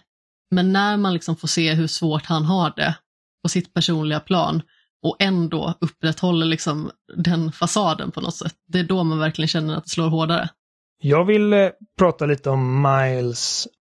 Oh, Var ska man börja? Eh, jag... eh, jag, alltså, okej, vi, vi, har- vi har etablerat liksom storyn i stort. Alltså, det är Peters konflikt som är den drivande grejen. Men, men jag känner ändå liksom att de, de, de lyckas peta in meningsfulla grejer med Miles där också. Som Som- överskuggas lite tyvärr. Liksom. De, de gör ju det. Men, men jag gillar hans ark med Mr. Negative. Ja, det är en av de bästa grejerna i hela spelet. Jag älskade den. Ja, och, och jag gillar att medans Peter har den här symbioten och går runt och liksom bara blir psykotisk så är eh, Miles och är liksom the friendly neighborhood Spiderman i hans ställe nästan. Och man får liksom många sådana här liksom jättemysiga sidouppdrag när han liksom letar upp de här instrumenten för museet, vilket som sagt, i kontexten med vad som händer i huvudstoryn så blir det liksom okej, det här känns inte jätteviktigt just nu, men ändå liksom välgjort innehåll. Ja, men precis. Och det- det är också en påminnelse kanske om hur jordnära Spiderman också är. Mm. Och eh, jag poängterar alltid det liksom att eh, jag älskar Spiderman för att han är liksom the friendly neighborhood Spider. Alltså han, han bryr sig om alla. Eh, så att vi, vi fick det här och eh, och, och hans, och hans farbror, liksom Prowler, liksom, återigen om rehabilitera, eh, rehabilitation. Um, Sa jag det rätt? Skitsamma, ni förstår. Rehabilitering. Ja, precis. Det här liksom att hans noja över att han liksom har fallit tillbaka till gamla shenanigans. Och att det sen visar att nej men jag, jag ska bara flytta in här och vi kan vara en familj här. Jag bara, det är fina grejer och jag tyckte om uppdraget. Jag, jag går hem på hur mycket jag ogillar MJ som protagonist i ett Spiderman-spel. Men jag gillar uppdraget när man spelar som Hailey heter hon va? Den döva Mm. tjejen. Och, och det, Mm. de har gjort liksom ett litet minispel där hon sprayar konst på, på väggarna. Och jag liksom, eh, trevliga sidogrejer. Däremot får jag säga, alltså, och, och det här är någonting som jag vill jag vill uttrycka detta, men, men det, det är svårt för mig att uttrycka Insomniacs Miles Morales är uddlös. Han är likable och välspelad av skådisen, men jag tycker att han är... Jag kan inte komma på ett bättre ord än uddlös. Och, och nu, nu, ska, nu ska det poängteras här för alla som lyssnar på detta och inte vet vem jag är. Jag är vit och jag är väldigt snart en medelålders straight cisman. Så att liksom, alltså allt det här kan man bara liksom kasta i sopkunnan. Men det här är vad jag känner. Han fra- Miles framstår verkligen att det här är en svart tonåring som är skriven av gamla vita snubbar. Om ni förstår vad jag menar. Eh, så här liksom How do you do fellow kids? Memen. Vi säger unk istället för uncle och det, det är precis så edgy vi vågar vara med karaktären. I de animerade filmerna, alltså i Spider-Verse-filmerna, så tycker jag att Miles och hela hans värld och återigen, jag är vit gubbe här, men den känns mycket mer autentisk till vad jag liksom får för mig att den världen ska vara. Alltså, jag såg en kommentar på en YouTube-video liksom från någon som sa att eh, hen var en svart person och de sa att de tyckte det som att Insomniac har liksom sandat ner Miles edges. Eh, som att de liksom verkligen försöker bara, ah, det är liksom, vi, vi får inte vara offensiv på något sätt. Och liksom att de, de är väldigt försiktiga med hur de skriver honom.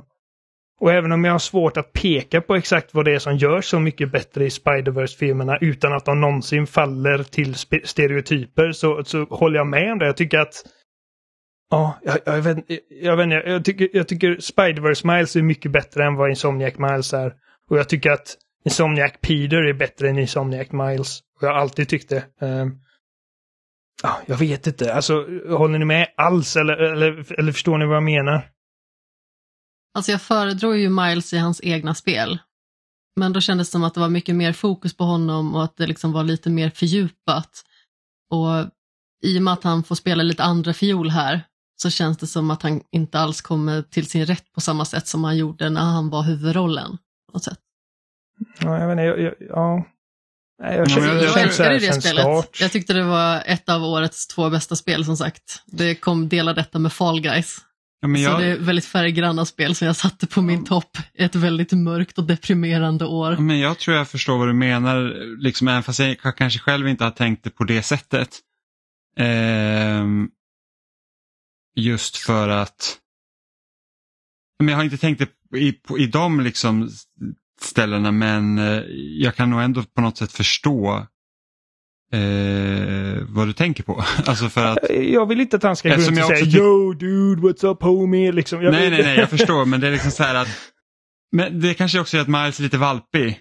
Ja, och det framgår mycket tydligare i det här spelet, känns det som också. Ja, så att det kan också vara det att Miles, Miles är valpigare och sen så då liksom blir det så här att, men, men som sagt, min grej med Miles är ju det att jag tycker att han, han liksom får inte riktigt ta den plats han kanske behöver ha. Till skillnad från då i hans eget spel. Ja, men precis. Men det hade varit weird ifall han inte... Nej, nej, alltså jag menar, han fick ju liksom sitt utrymme i sitt eget spel och då tyckte jag liksom att det var kanon. Men jag kände mig liksom inte lika investerad i hans del här. Och det tycker jag är väldigt synd, för att jag älskade verkligen Miles Morales-spelet 2020. Eller, jag älskar det förmodligen fortfarande. Ja, nej, alltså detta, detta är inte något nytt jag känner för Miles i det här spelet. Jag kände det i hans spel också. Och, och, och det är liksom en av de stora anledningarna till att jag tyckte att det inte var nära på att sniffa på det första spelet. Även om jag tyckte om det väldigt mycket. Det är liksom mer Spiderman, välgjord Spiderman action. Och han är, som sagt, han är likable, han är, han är lätt att tycka om. Eh, och sen då tillsammans med faktumet att jag tycker att Finn är världens tristaste skurk. Um, jag kommer inte ens ihåg vad, vad huvudskurken hette, alltså Troy Bakers karaktär. Det var så mycket den storyn liksom satte avtryck i mig. Um, vad heter Troy Bakers? Ja, men sånt är inte alltid så lätt att komma ihåg heller när man har kanske tre år liksom av massa andra upplevelser som tar upp plats i ens hjärna. Kommer någon av er ihåg vad han heter? Nej, jag kommer inte ihåg. Helt värdelös skurk. Jag vet företaget hette Roxon. Nej, men, men, men så känner alltså, jag känner inte liksom att... Jag, jag minns väldigt starkt det första spelet. Och alla karaktärer och alla liksom... Och jag, jag kände väldigt starkt för det spelet och, och, och Miles Morales spel fick mig inte att känna mycket av någonting egentligen. Liksom, alltså hela liksom slutet när han liksom... När Finn offrar sig är bara bra. Nu slipper jag dig. Uh. alltså kände ju inte alls jag. Jag såg ju slutet fyra gånger för att Jimmy tog Platinum i det, jag tog Platinum i det och jag grät typ varje gång. Ja, ja det är olika liksom hur, hur man påverkar saker men... Nej, jag är kränkt av din åsikt. Förlåt. Nej, det är jag inte. Nej, men, nej, men, ja, jag vet inte. Såklart. Uddlös tycker jag han är. Och, mm. och, och jag hoppas att, för att nu har ju Insomniac bekräftat att Miles är liksom the main Spiderman i framtiden. Simon Krieger var det skurken hette. Ja, det hade jag aldrig på hundra år kunnat. Folk är ju så kränkta över det för de säger att det är så, det är så obrand av Peter att typ pensionera sig. För att Peter skulle aldrig göra det. Och man var så här, men alltså i Peters liksom typ universum så är också han den enda Spiderman. Det är Precis. O-brand mots- motsatsen till on-brand. Ja, precis. Så det är så här off-brand. Eh, nej, men så här, P- Peter är ju den enda liksom, Spiderman i serietidningarna, så långt som jag har kommit då. Eh, och jag vet inte hur det ser ut, men liksom, eftersom det finns massa multiversum och det är liksom, varje Spiderman tror jag kommer från ett eget universum, så Miles och Peter är inte i samma universum i Nej. serietidningarna, utan de är två skilda.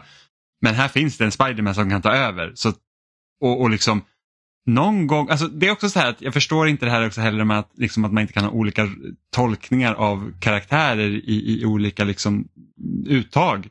För att det är liksom så här att den här Peter kan känna att jag är less på allting. Han har förlorat, han har förlorat de personer som står liksom honom närmst i liksom hela tiden. Liksom, att även om Harry överlevde så är det liksom hans bästa vän försökte fan ha ihjäl honom. Mm. Eh, Ja, och han kommer ju inte leva länge till.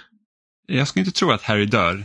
Men ja, så, så att då liksom blir det så här att jag tycker, alltså för, för Peter i serietidningarna är alltid less på jobbet. Alltså det är verkligen så här att ingen, jag får ingen uppskattning. Alla bara går emot mig och liksom även om han räddar massa folk så har han ofta piss. Liksom. Men visst, han gör jobbet Jag att han måste, här med även om tänker på att sluta. och, och, och, en, och en, ett hus börjar brinna. Bara fan också.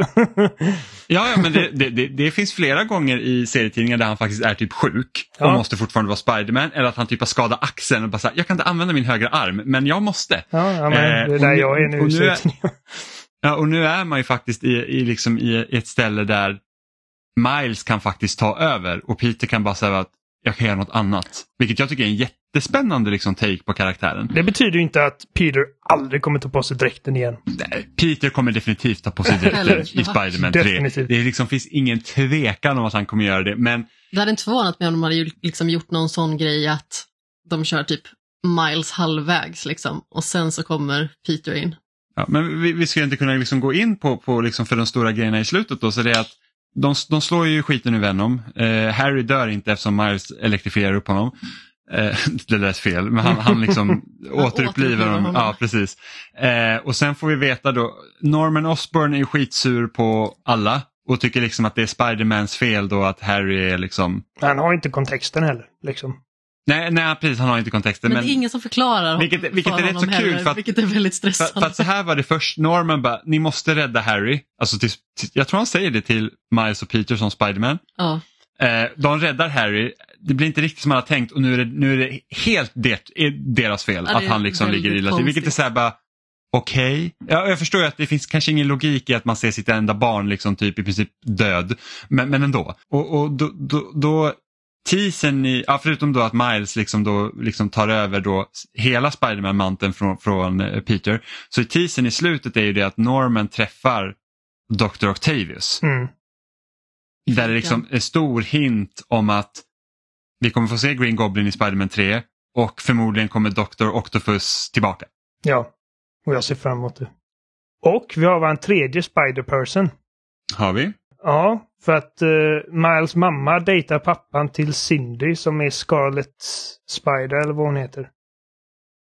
Ja, okej. Ja, det, det finns flera vägar de ska kunna ta för att introducera en tredje Spider-Man-person. För att även i det här spelet så touchar de på Spider-Verse-delar. ja, men precis. Det finns ju vissa sidouppdrag, till exempel det med Spiderbots. Ja, tar, man alla Spider-Bot så öppnas upp en portal eh, som man får se. Eh, jag, tror, Jag tar de här, det är lika bra. jag tror det är Silk, heter hon tror jag som de pratar om eh, i, eh, i den portalen. Så, så att, för att inte få in en grön Spider-person, för att, för att liksom, man kanske inte vill göra den här Miles-grejen igen då, liksom att om, nu är Miles mentor till en annan Spider-person, utan då tar man in en erfaren Spider-person från ett annat universum om de vill gå den vägen. Jag vet inte om jag vill ha Spider-Verse Nej, jag vill inte i det. Spider-Man. Jag, jag hoppas att det är med Eh, Jag trodde att du menade en faktiskt grön Spiderman, inte liksom som nybörjare utan en grön. Ja, precis, en grön Spiderman. Eh, så, att- så, att det är så de ska lite kunna introducera eh, liksom, ytterligare Spider-personer då, om de vill göra det. Jag, jag hade ju hoppats på att vi skulle få se typ Gwen. Stacy så vi skulle kunna få spela Spider-Gwen och sen mellan Spider-Man 2 och 3 så får vi typ Spider-Man, Spider-Gwen. liksom den. Men, men det är bara för att det hade varit kul också att spela en kvinnlig eh, Spider-Man. Marvel Squad. Men, men visst, det skulle ju också kunna vara då den eh, Scarlet Spider som du pratar om också, Oliver. Jag, det, jag det vet inte varför de skulle introducera henne som en så här last scene för Miles om de inte är på väg åt det hållet. Ja, sen, hon kan ju också vara med utan att det faktiskt är, hon behöver inte bli en spiderperson heller. Uh, Cindy Moon. Uh, men det, det finns i alla fall, Ja. ja det är Silk. Vem, Ja. fan, vem fan är det då med, De nämner ju O'Hara. ja för när man talar Spiderboss då nämner de ju någon som också är en spiderperson. Men alltså det Ja, finns ju en Spiderbot inte- som, som är Superior Jo Spiderman. men, alltså, när, jo men när du har gjort klart alla Spiderbots då öppnas den här portalen. Precis, och det är någon PS1-kärring som står där inne. Och De har lånat, de, den, eh, den delen var planerad för Across the Spider-Verse. Och Mm. de frågade studion om de, fick liksom, om de hade något som de kunde ta in i spelet och det var den då. Men jag vet inte vilken Spider-person det är kopplat till. Men det hade liksom kunnat varit en grej. Ehm, Jag, jag tolkar det mest bara som ett så här, så här cheeky sätt att okej, Sony har här, de här spelen på, och de har de animerade filmerna och liksom ett kul sätt att liksom få de här två världarna att vinka till varandra. Jag tror inte att Ja, meningen... Absolut, men det öppnar också upp potentialen för att de ska kunna låna in vilken Spiderman som helst någon annanstans ifrån. Ja, om de absolut. vill. Och, Det är och, det jag och, mer jag hade, tänker och på. jag hade... eh, Ja, det är rimligt. Men, men eftersom att de introducerar Cindy man får inte se hennes ansikte, men de bara, "Ah, här är min dotter Cindy. Och jag har läst på lite om henne. Hon är korean-amerikan som också blev biten av en radioaktiv spindel. Det är en jävla massa radioaktiva spindlar som springer runt. En rolig detalj som inte jag har tänkt på tidigare i första Spiderman-spelet, det är ju liksom när eh, Peter funderar på hur eh, T'Challa blev Black Panther och han blev biten av en radioaktiv panter. Ja. Vet du vad Adam skrev till mig häromdagen? Captain America Nej. fick sina krafter för han blev biten av en radioaktiv amerikan.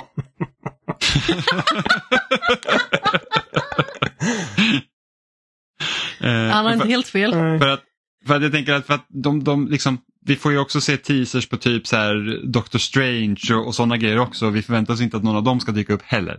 Nej. Ehm, så, så att, vet inte, men, men eh, ja det skulle det kunna vara. Och sen så är det inte säkert att, alltså för att jag antar då att man börjar spela som Miles. Och eftersom vi har Green Goblin med, förmodligen med i Spider-Man 3. Och vi har ingen Gwen Stacy. Och en av de stora grejerna med Green Goblin är att han dödar i Gwen Stacy. Mm. Men vi har MJ. Så det är mycket väl att MJ kollar vippen. Mm. Antingen om Green Goblin blir det för Peter, om vi nu tänker att Peter är eh, solen som allt kretsar kring, vilket det var i det här spelet typ. Eh, men är det för Miles, då skulle det lika bra kunna vara Hailey som dör. Eller så är det Peter som dör. Ja, fast jag tror att Green, alltså, okej så här. Men, men jag, jag är med på vad du, vad du tänker nu. För att ja, precis. jag, men, jag, men jag, jag tror att tror definitivt dödar att... han, ja, för dödar han MJ då är, det ett, då är det en katalysator för att han kan bli Spiderman igen.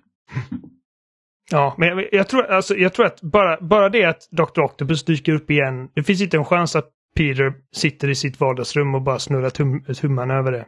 Han bara, Miles shit, I'm done. Det är direkt som en katalysator känner jag. Liksom att Octopus är på lös igen. Jag är liksom... Han känner sig ansvarig över honom. Va? Jag skulle tycka att det var lite så här lame anledning till att han skulle liksom ge sig in i gamet igen bara att Dr. Octopus är lös. Varför det? Liksom, Det alltså, Åh nej, inte du igen. Därför för att jag vet inte, det finns, alltså det måste ju vara hur många skurkar som helst som han har, inte liksom burat in- älskat samma sätt som man älskade honom. han idkar älskog med. Nej, nej, men alltså, han, han avgudar ju honom. Liksom. Jo, jag vet, men jag känner att jag hade tyckt det var ganska tråkigt. Det är bara Dr. Octopus är lös och därför måste Peter ta på sig dräkten igen. Det kan ju fortfarande vara liksom en, en del av en konflikt i att Peter känner att han måste gå tillbaka som Spiderman om Dr. Octopus blir lös då och MJ stoppar honom. Liksom så här att nej men alltså du, du har gett upp det där nu, jag förstår det, men Miles fixar det. Och sen kommer lilla Green Goblin och bara hej MJ, nu knäcker vi din rygg. Och där liksom, det finns ingen som hindrar honom längre. Nej, det är möjligt. Alltså, det finns massa... men som sagt, jag vet inte. Man kan göra hur mycket som helst. Jag känner inte alls lika starkt för liksom, vilken riktning de ska gå i det här spelet som jag kände inför tvåan när ettan var klar.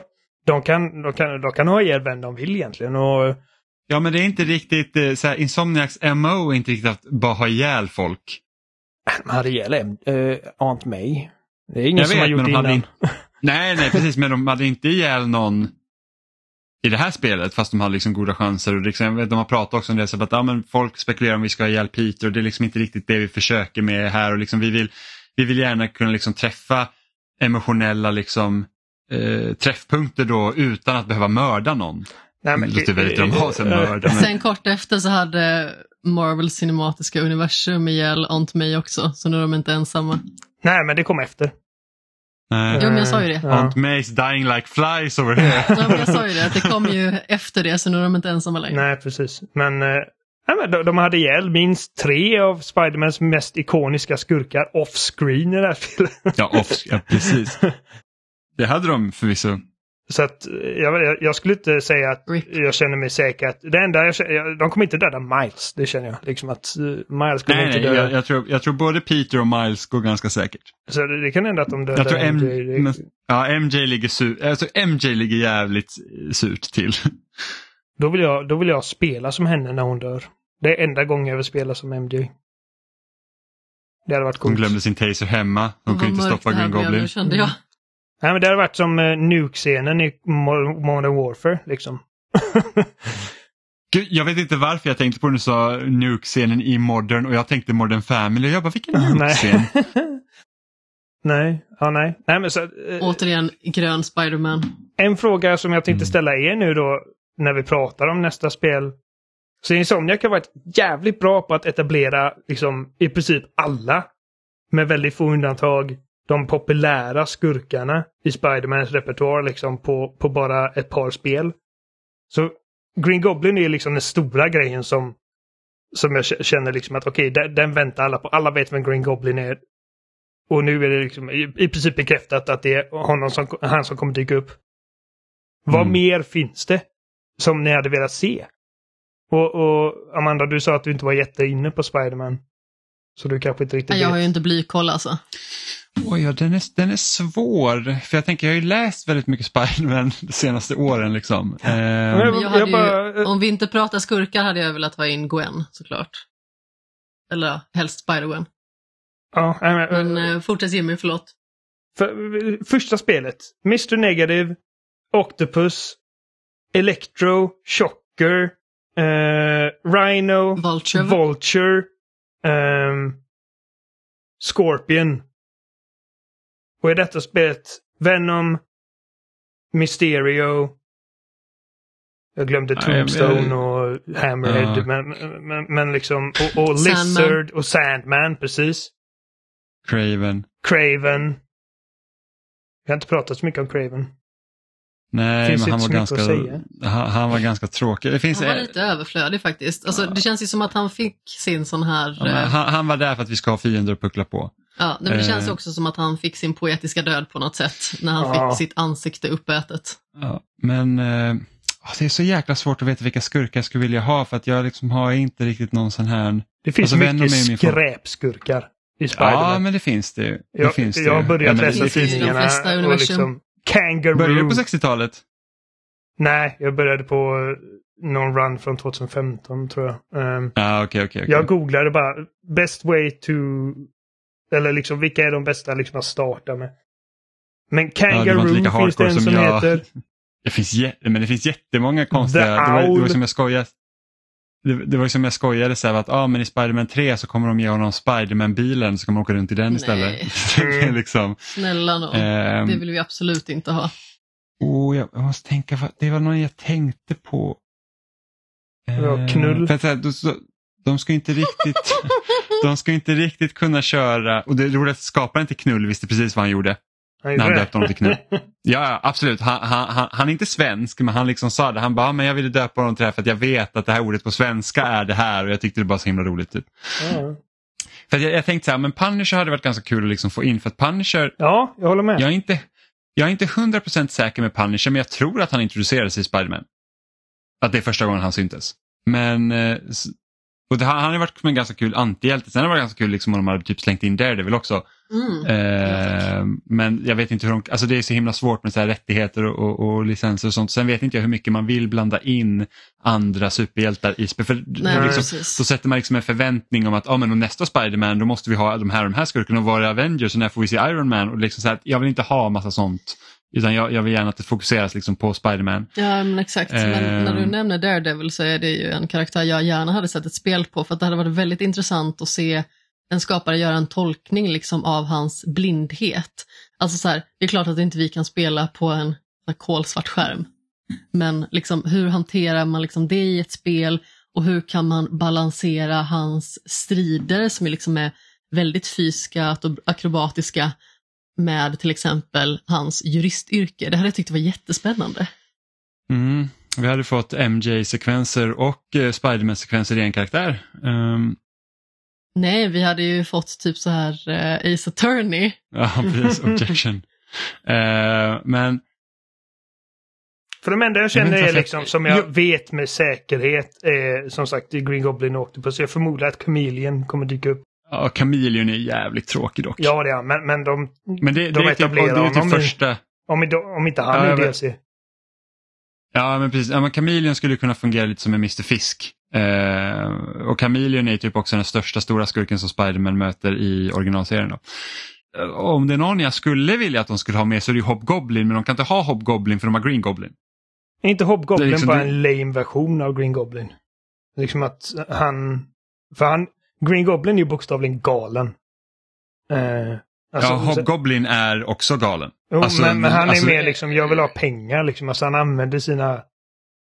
Eh, Alltså, det beror på lite vilken version, men alltså den Hobgoblin som jag mycket har läst nu då, så han, han är liksom, han vill ju typ, typ bara förinta Spindelmannen och liksom är liksom, han är typ, han är så galen liksom att det är hans enda typ mål nästan. Alltså, Besatthet. och sen finns det lite så här, de har gjort lite retcons på den karaktären lite så, så att jag har inte kommit upp till den punkten, men, men liksom Hobgoblin är typ en galnare version av Green Goblin. För att man vet inte riktigt, man- alltså det är flera år innan man fick ens veta vem det var. Så att det, jag, jag har inte sett mycket av Hobgoblin annat än typ den här animerade 90-talsserien. Så jag googlade liksom senast för ett par veckor sedan skillnaden mellan Green Goblin och Hobgoblin. Och konsensusen var i princip tvärtom mot vad du sa. Liksom att Green Goblin, Norman Osborn, han är galen. Han mördar folk liksom. Alltså, Medan Hobgoblin är att jag vill ha pengar och jag kommer liksom inte, han är inte så jävla intresserad av Spiderman. Ja men det beror lite på tror jag när man, man hanterar Hobgoblin. liksom i vilken, vilken serie och vilken typ. För att det är så här, I början är Hobgoblin, han liksom retar ju bara gallfeber i princip på Spiderman för att han, han tror typ att det är Green Goblin är tillbaka för Green Goblin ska vara död. Mm.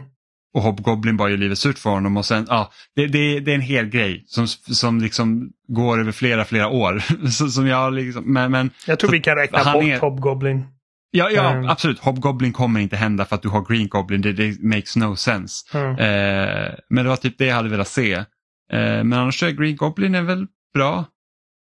Jag tror inte jag skulle vilja ha någon av de här sidokaraktärerna vi har sett. Liksom, typ så här, ah, skulle jag att Mysterio skulle vara med på ett större... mm, Nej, Nej, jag hade gärna, det tror jag inte. jag hade gärna sett Fisk igen. Faktiskt. Um, Ja, men alltså jag hade gärna sett också att Dr. Connors får en större roll. mm. Eh, som Peters bundsförvant. Liksom. Och som sagt, jag hoppas att, att Carnage är i DLC. Uh, men, men det är alltså... Och inte knull också eh, så här, kopplat till symbiotet på något sätt. Jo, men det, jag har ing... jo, men jag tror att det är liksom om man läser Venom-serien så Han är han typ knull är väl typ någon så här, Symbiot. Kan ni bara sluta säga knull? ja, han är väl, ja men typ någon så här typ, jag vet inte. Jag, jag har fått för mig att han typ är någon så här ledare över symbiot eller något. Jag, jag vet faktiskt inte vad knull är för någonting. Nej, Mm, Så att, eh, ja. Jimmy avslöjar någonting väldigt Ja, men, eh, svårförståeligt här. Ja, små barn. Så, så att jag, vet, jag vet faktiskt inte vad jag hade velat haft. Eh, jag, jag, jag hoppas, istället för att jag säger att oh, jag vill att de ska göra de här skurkarna så hoppas jag nästan kanske ta någon, någon skurk som man inte riktigt känner till. Och sen så liksom, åh, kanske man hittar en ny favvis liksom. Men Mr Negative var ju liksom inte en fanfavorit när 2018. Nej, Eller- men han är inte riktigt någon, han är inte någon fanfavorit för mig nu heller. Nej, nej, men, men Nej, men alltså, gick I första en... spelet när man spelade det så kände man ändå så här att ja, men, det var ändå liksom intressant att han var en liksom sån genuin karaktär från början liksom, som ville göra gott och sen så visade det sig att han är världens superskurk. Men alltså den comebacken han gör i tvåan är så helt otrolig tycker jag. Alltså, just hela den biten att det enda sättet som Miles kan rädda Peter det är att samarbeta med den sista personen i världen som han skulle vilja samarbeta med. Mm. Den personen som dödade hans pappa. Ja, ja. Och liksom det samspelet blir så otroligt bra också för att Mr Negativ, han äger liksom sina misstag. Han försöker liksom inte försvara det han har gjort, han försöker förklara det han har gjort och liksom att han var så uppslukad av sitt hat att han gjorde någonting som är oförlåtligt. Men han vill liksom använda de krafterna som han har för att på något sätt, även om det liksom bara är en promille, återgälda det som han har gjort. Ja. Och min, och min poäng handlar inte så mycket om att åh, Insomniac gjorde en fanfavorit av Mr Negative utan att de tog en karaktär som nästan ingen kände till och valde honom som den de marknadsförde som huvudskurken. Liksom. Ehm, Ja, men precis. så att... eh, ja. Uh, med tanke på vad du sa om att du hade velat se någon som var mer okänd i... Mm. Jag vet, men sen är ju Mr Negative är inte huvudskurken heller i Spiderman första. Nej, men... Till slut. Nej, nej. Men han är, han är en av liksom de Ah, Ja, absolut. drivande- Ja, en av två. faktorerna. Ehm, nej, ja, men ja, vi får se. Sen, sen så hade jag gärna sett mera Black Cat. Nej, jag känner att jag fick precis rätt mängd Black Cat ärligt talat. Jag, vet, jag tycker att hon är liksom, nu, nu såg inte jag henne knappt i första spelet men hon, hon liksom också är en sån här, Så du spelar Alltså- inte DLC med henne alltså? nej, jag gjorde aldrig det. Hon, Eh, Jag jag- det var det enda delset jag spelade. hon försökte lura i in- Peter att hon var gravid med hans barn. Eh, nej, att, att hon hade ett barn. Som, Ja, som var ja, hans. Och MJ bara, oh shit. Ja, det, det var också lite, alltså för sig, Felicia är lite Shifty. märklig i serietidningen också, men eh, ja, det är kanske lite tråkigt att ha det i delset. Okej, men om, om man ska gå på den vägen så kan man låta det vara. Eh, Så om du vill se mig i Black Cat, kör DLC. ja, jo, men då får du, alltså, för jag gillade Black Cat i det här spelet. Alltså hon hade också typ ett av, eh, ett av spelets coolaste uppdrag. Ja. När man fick liksom hoppa i de här jäkla portalringarna och grejer. Mm, ja, det var coolt. Så det var Men, rätt men, men som sagt, coolt uppdrag, men, men just henne, så henne kan leva utan så här bild, Ja, men vad hoppas du då? I trean, vad, vad hoppas du för skurk? Jag tror att Black Cat skapades innan Catwoman. Black Cat var med typ 70-talet någon gång tror jag. Men jag Här mig måste att, vi googla. Who came before? Eller who men för jag har för mig att jag googlade det här first? för att jag tyckte exakt samma Catwoman sak. or Black Cat. Båda är Cat Burglars också. Nej, Catwoman kom långt före. 40-talet. Ja, det är kanske jag som Uh, har Black Cat blandat eh, ihop det. first appeared in the Amazing Spider-Man 1979. 194. Ja, 79. 79. Och Catwoman är från 1940, så det är nästan 40 år skillnad. Ja, äh, men det kanske var bara att jag oroade mig för det när jag pratade om det i podd då. Ja, nej men ja, det är definitivt en, en eh, kopia då. Tycker jag också, men eh, det finns skillnader såklart. Så här- men Ja, ja men precis, men det, det är för likt för att man ska märka det. Men jag hade för mig att, det liksom, att jag blev förvånad över mitt svar sist jag sökte på det här. Men eh, som sagt, eh, jag håller med dig ändå. Men, vad, vad Ja. hade du hoppats på i Spider-Man 3 Revolver? det, det, det, det, det är lite därför jag frågar, för att jag vet fan inte. Alltså, jag, alla liksom, alla mina favoritskurkar i Spiderman är nu avbetade liksom. Och det betyder inte att de inte kan återvända, precis som alltså, vi väntar oss att Octopus kommer att återvända. Octopus har alltid varit min personliga favoritskurk. Sen jag var liten. Mm. Och som sagt, liksom fanfavoriter som Venom och, och liksom, alltså Lizard och True, True Venom kommer tillbaka. jag tror inte... Man vet ju aldrig. Jag menar, Harry lever ju. Eh, Men symbiotet förstördes. Alltså typ den delen Ja, som Harry hade i Ven- alla fall. ja, sen, vet inte jag, sen vet inte jag hur det funkar då eftersom, det finns, eftersom Cletus tog ju ett, ett symbiot och liksom finns det någon del av Venom i det? Kletus, sånt jävla fult namn. Men eh, Cletus. ja, alltså... I, i, I vissa versioner av karaktären så, så är det liksom att olika symbiot har olika personligheter. Alltså i Tom Hardy-filmerna exempelvis. Så Venom-symbiotet är liksom en individ medan Carnage-symbiotet är en annan Och här verkar det vara mer som en typ hive mind, liksom att allting är sammankopplat. Så att det kan hända liksom att Carnage är liksom en annan version av samma karaktär, liksom att den tar en annan form bara baserat på för Venom Mm. är liksom, för att han, han har gått från Spiderman till direkt till då i Harry i det här fallet, så liksom Venom är modellerad i mångt och mycket, mycket på Spiderman, därför han har liksom loggan. Och, och i serietidningarna så Venom har väl också sin egen version av typ Spindelnäten och sådana grejer. Mm. Medans eh, Carnage, symbiotet liksom på Carnage som är liksom alltså... Anledningen till att Carnage är så läbbig är för att symbiotet tar liksom dina värsta impulser, dina sämsta egenskaper och verkligen amplifierar dem. Och därför Peter blir liksom ett rövhål med dräkten och, och Harry blir liksom helt galen med, med symbiotet. Sätt då det symbiotet på någon som redan är helt batshit fucking insane. Så här, liksom som har typ eh, bränt hela sin kropp och är bokstavligen liksom en massmördande psykopat. Ehm, En sektledare också. ja, Bara bra saker här. precis. Så att... Eh, uh, nej, det är farliga grejer. Jag, jag, som sagt, jag, jag, jag har faktiskt ingen aning. Jag jag hade tyckt det var kul att liksom få ett gästspel av typ Punisher eller Daredevil, men, men jag håller också med er om att det, då blir det liksom helt plötsligt en helt ny ett helt nytt sätt av förväntningar från fans av de karaktärerna. Liksom. För att man vill inte bara kasta bort en sån karaktär på en liten grej, men samtidigt vill man inte att Spiderman-spelet ska bli någon sorts Defenders-berättelse heller. Nej. Så att man får vara jävligt försiktig med sådana grejer. Och, och jag anser liksom, även om Punisher är liksom en mördare så är han liksom, han, eh, eh, han är ju an, en antihjälte mer än vad han är en skurk liksom. Så, så jag vet inte, som sagt alla mina favoritskurkar är, är liksom gjorda. Och den enda liksom stora ikoniska Spiderman-skurken som är kvar, som inte gjorts, är Green Goblin.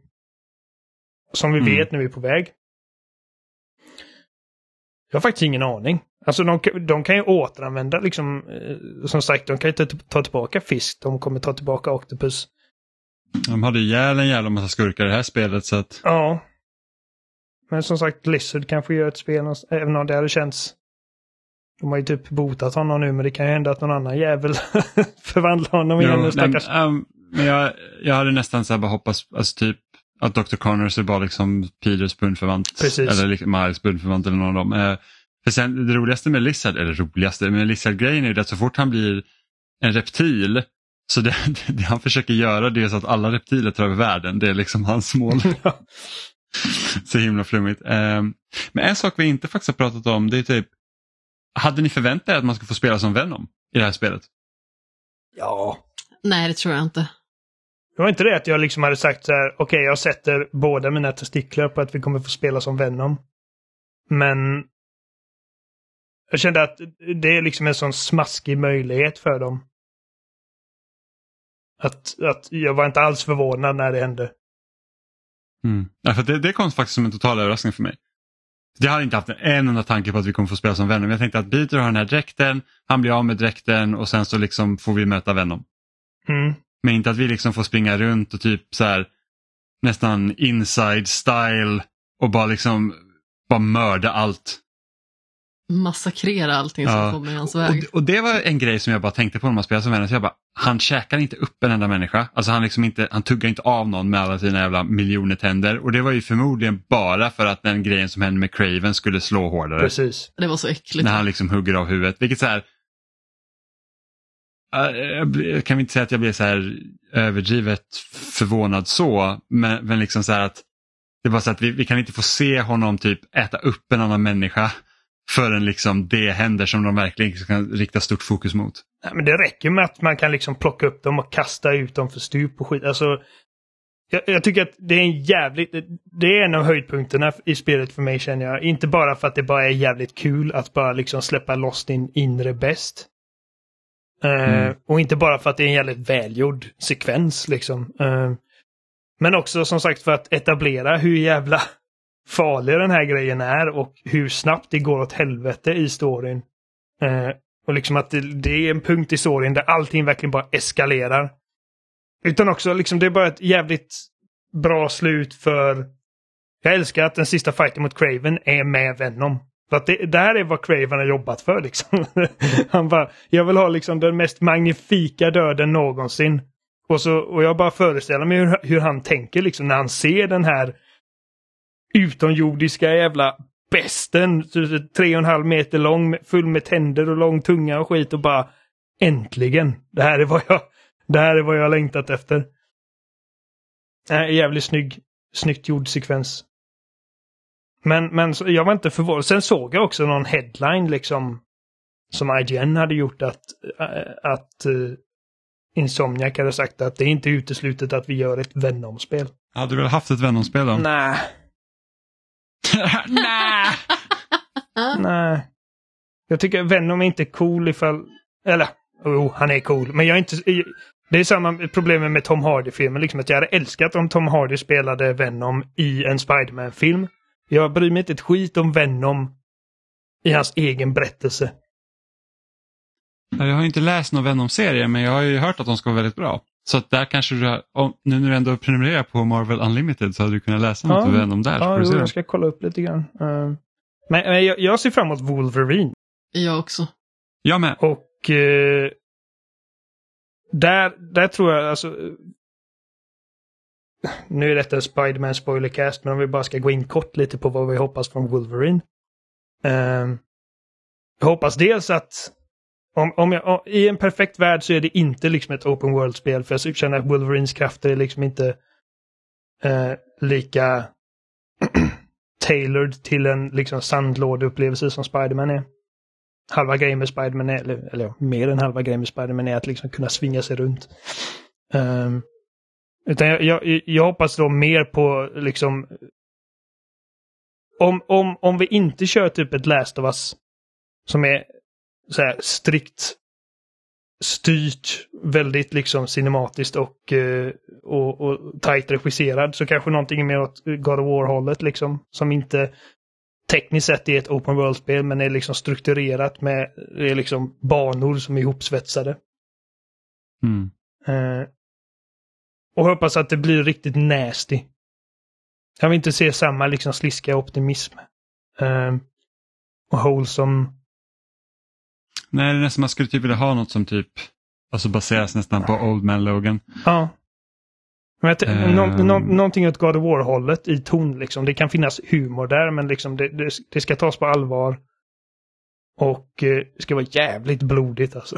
jag hoppas att mm. eh, jag hoppas att det här blir liksom det första riktigt, riktigt vassa, väldigt vuxna Insomniac-spelet. De har gjort vuxna grejer, alltså Resistance-spelen och så, men något liksom karaktärsdrivet, snyggt, tight regisserat, eh, med väldigt tillfredsställande combat. Så alltså de borde kolla på vad God of War har gjort. Liksom. Mm. Ja, men jag håller med. Ja, men, eh, Säg att, för Wolverine-spelet lär komma ut innan nästa Spiderman-spel. Ja, det tror jag. Eh, hade du, och beroende på vad som händer i Wolverine-spelet, hade du velat se Wolverine i nästa Spiderman då? Eller vill du hålla de här två grejerna separerade? Alltså, de har bekräftat att det är samma universum. Jag tror att om man ska göra ett gästspel av den typen som vi snackade om förut så hade Wolverine funkat bättre. För att då är han redan etablerad. Liksom, ifall, ifall Daredevil dyker upp i 20 minuter i Spiderman 3 och alla bara Fan vad nice! Jag älskar Daredevil i den här versionen. Och sen är det slut. Liksom. Han fick sina 20 minuter i rampljuset i Spiderman 3. Jag tror att det kan lämna, det liksom lämna målet öppet för väldigt mycket frustration medan Wolverine dyker upp. Han har, sin egen, han har redan sitt egna spel. Liksom. Och folk mm. är redan, redan investerade i den versionen av karaktären. Men samtidigt så jag känner inte att det är nödvändigt. Liksom, jag, hade klarat mig utan Wolverine i Spiderman 3 också. För att jag gillar när Spiderman mm. får vara Spiderman och när det får vara fokuserat på Spiderman. Ja, men det blir lite för mycket med alla de här multiversum-grejerna tycker jag. Ja, jag är så alltså, jävla trött. Ibland så känns det skönt när det är fokus bara på en specifik grej. Det var ju det som ändå kändes så himla frigörande när The Batman kom till exempel. Ja.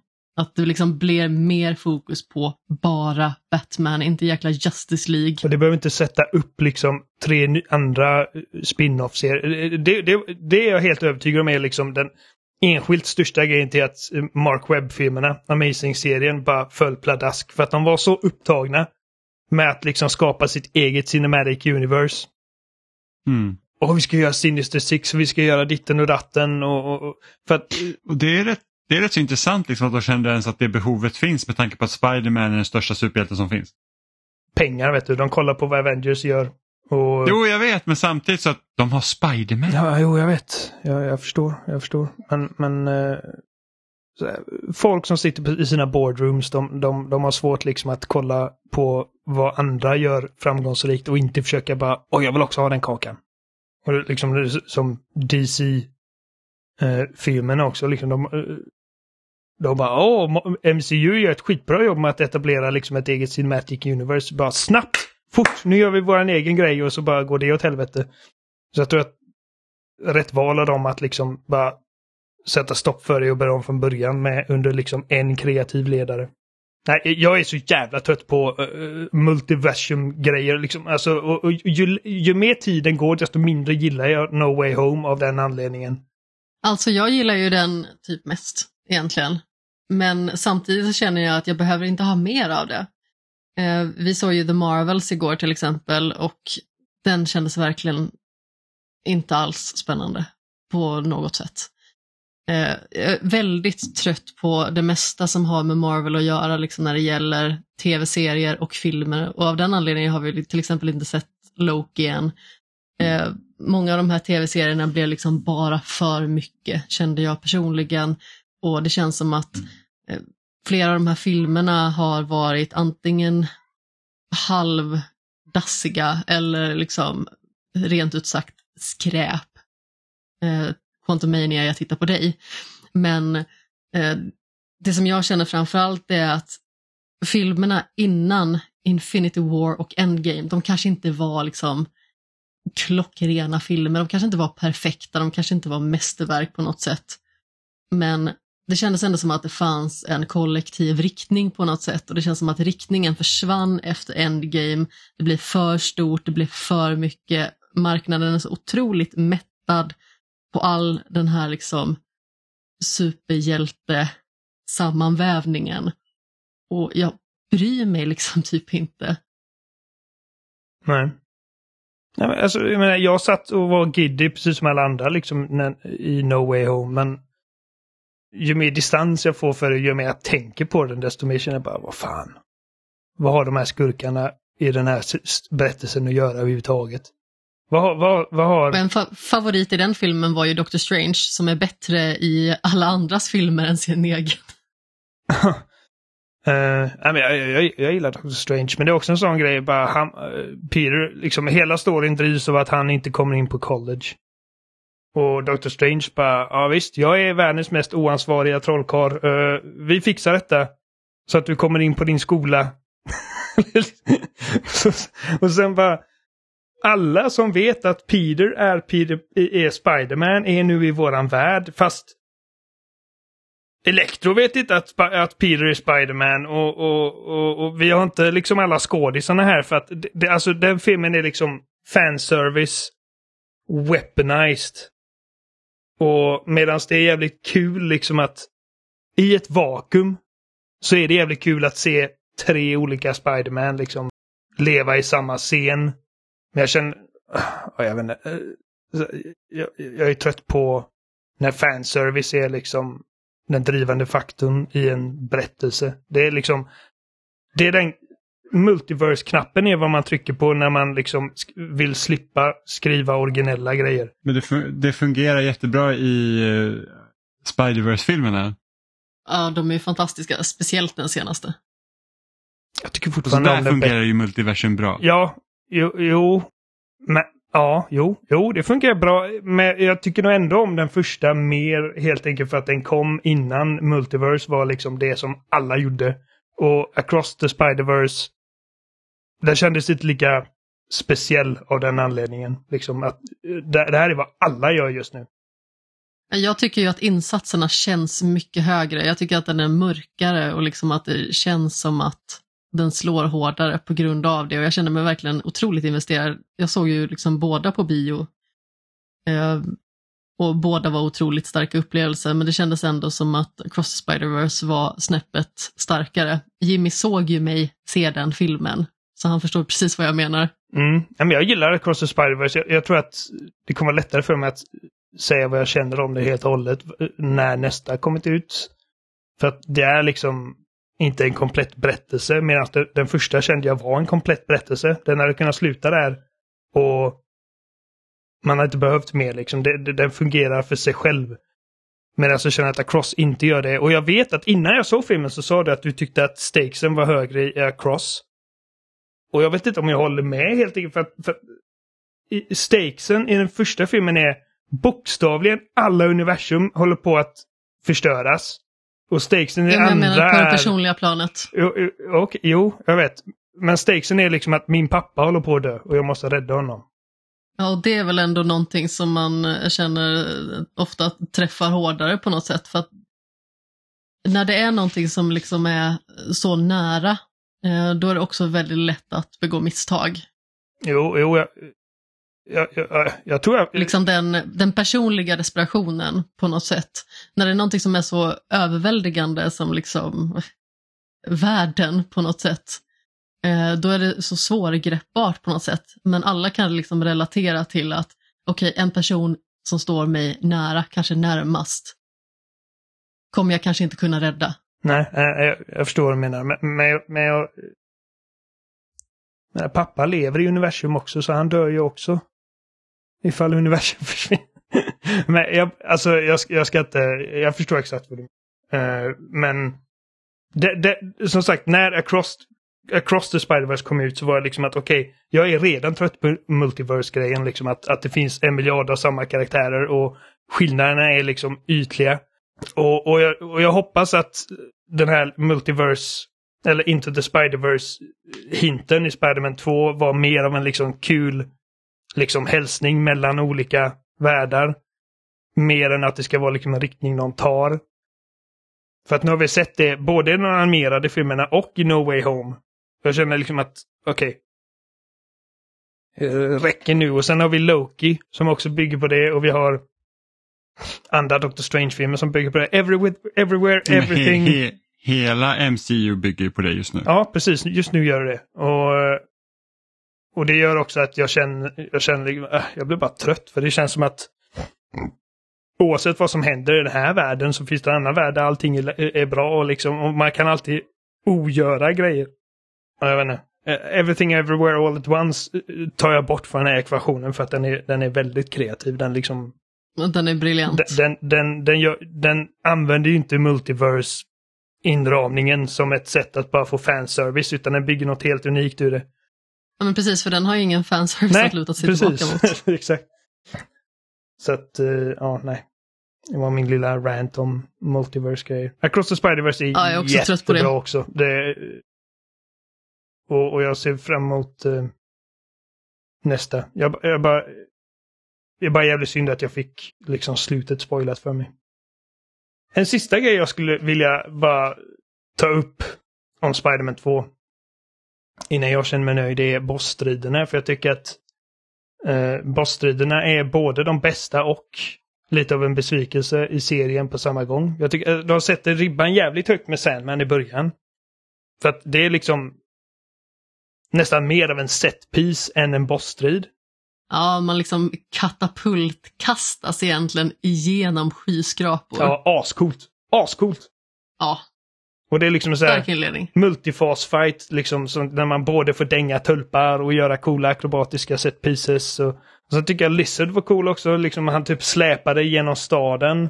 Och Piru blir bara mer och mer sur på honom. I början försöker han vädja till honom och det slutar med att uh, han bara Du din jävla värdelösa reptilhjärna, du, du, du förstör allting. Inte undra på att din familj hatar dig.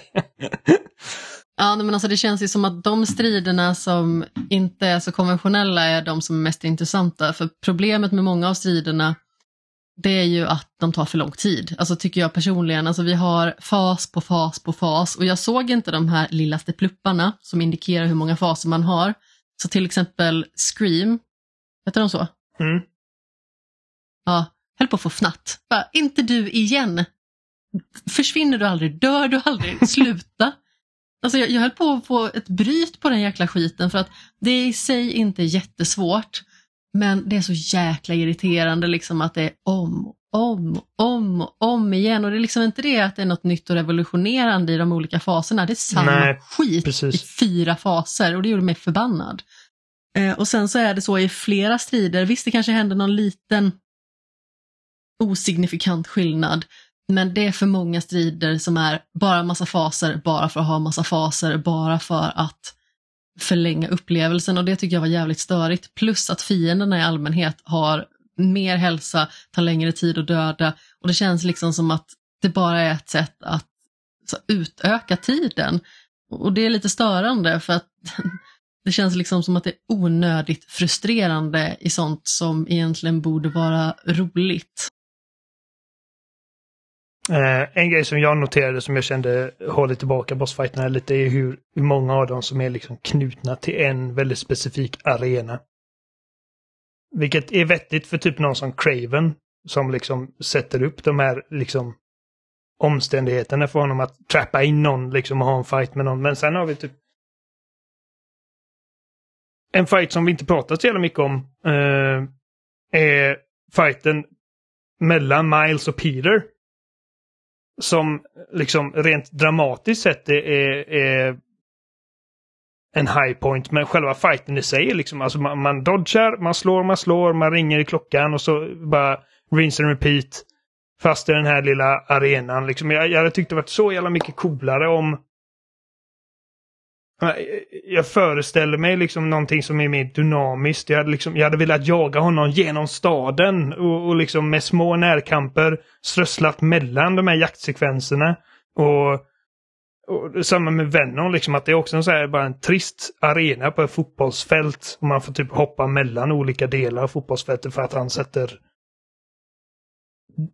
dödsgoja på, på golvet. Men annars är det liksom en väldigt bare bones fight. Jag vet att en är de, har de väldigt tidiga liksom key artsen som de delade från spelet innan release var liksom en, en bild på Venom, Spiderman och Miles som i princip slåss mellan skyskrapor. Liksom. Jag bara tänkte att Ja, och Venom ser dessutom gigantisk ut på bilden vilket ser jättekult ut. Ja. Jag tänker på liksom en fight som mot Vulture och Electro i första spelet. Liksom att du var mycket mer fri du svingade runt i liksom, alltså just det här liksom Spidermans rörelser liksom spelade en roll i den fighten också. Och jag hade velat se mer av det även i, i tvåan. Nu var det inte alla fighter det i känns första. som att det är lite brist på kreativitet i vissa sådana här stora strider. ja, alltså man har kunnat göra jättemycket och, och som sagt, jag menar, där, alltså, spel är jättesvårt att göra. Och det Jo, absolut. Det är liksom... men, men samtidigt så måste man ju få liksom, kritisera de punkterna som man liksom inte tycker känns helt hundra. Och jag tycker inte att det känns helt hundra. Alltså absolut, man får röra sig och föra sig som eh, båda Spindelmännen liksom. Och det är alltid häftigt. Mm. Men på något sätt känns det som att vi vet hur det känns och vi vet hur vi ska göra. Men det kan också vara intressant att få överraskas lite och inte bara göra samma sak om och om igen. Precis, och jag menar, när man spelar som Venom, den scenen har inte varit alls lika cool om den sekvensen bara var du fast i ett rum med massa fiender.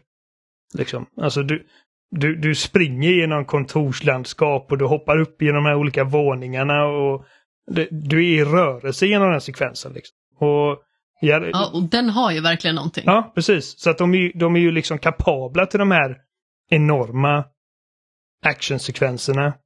Um, och jag, jag, jag hade älskat att se mer av det liksom dynamiska, rörliga även i bossfighterna.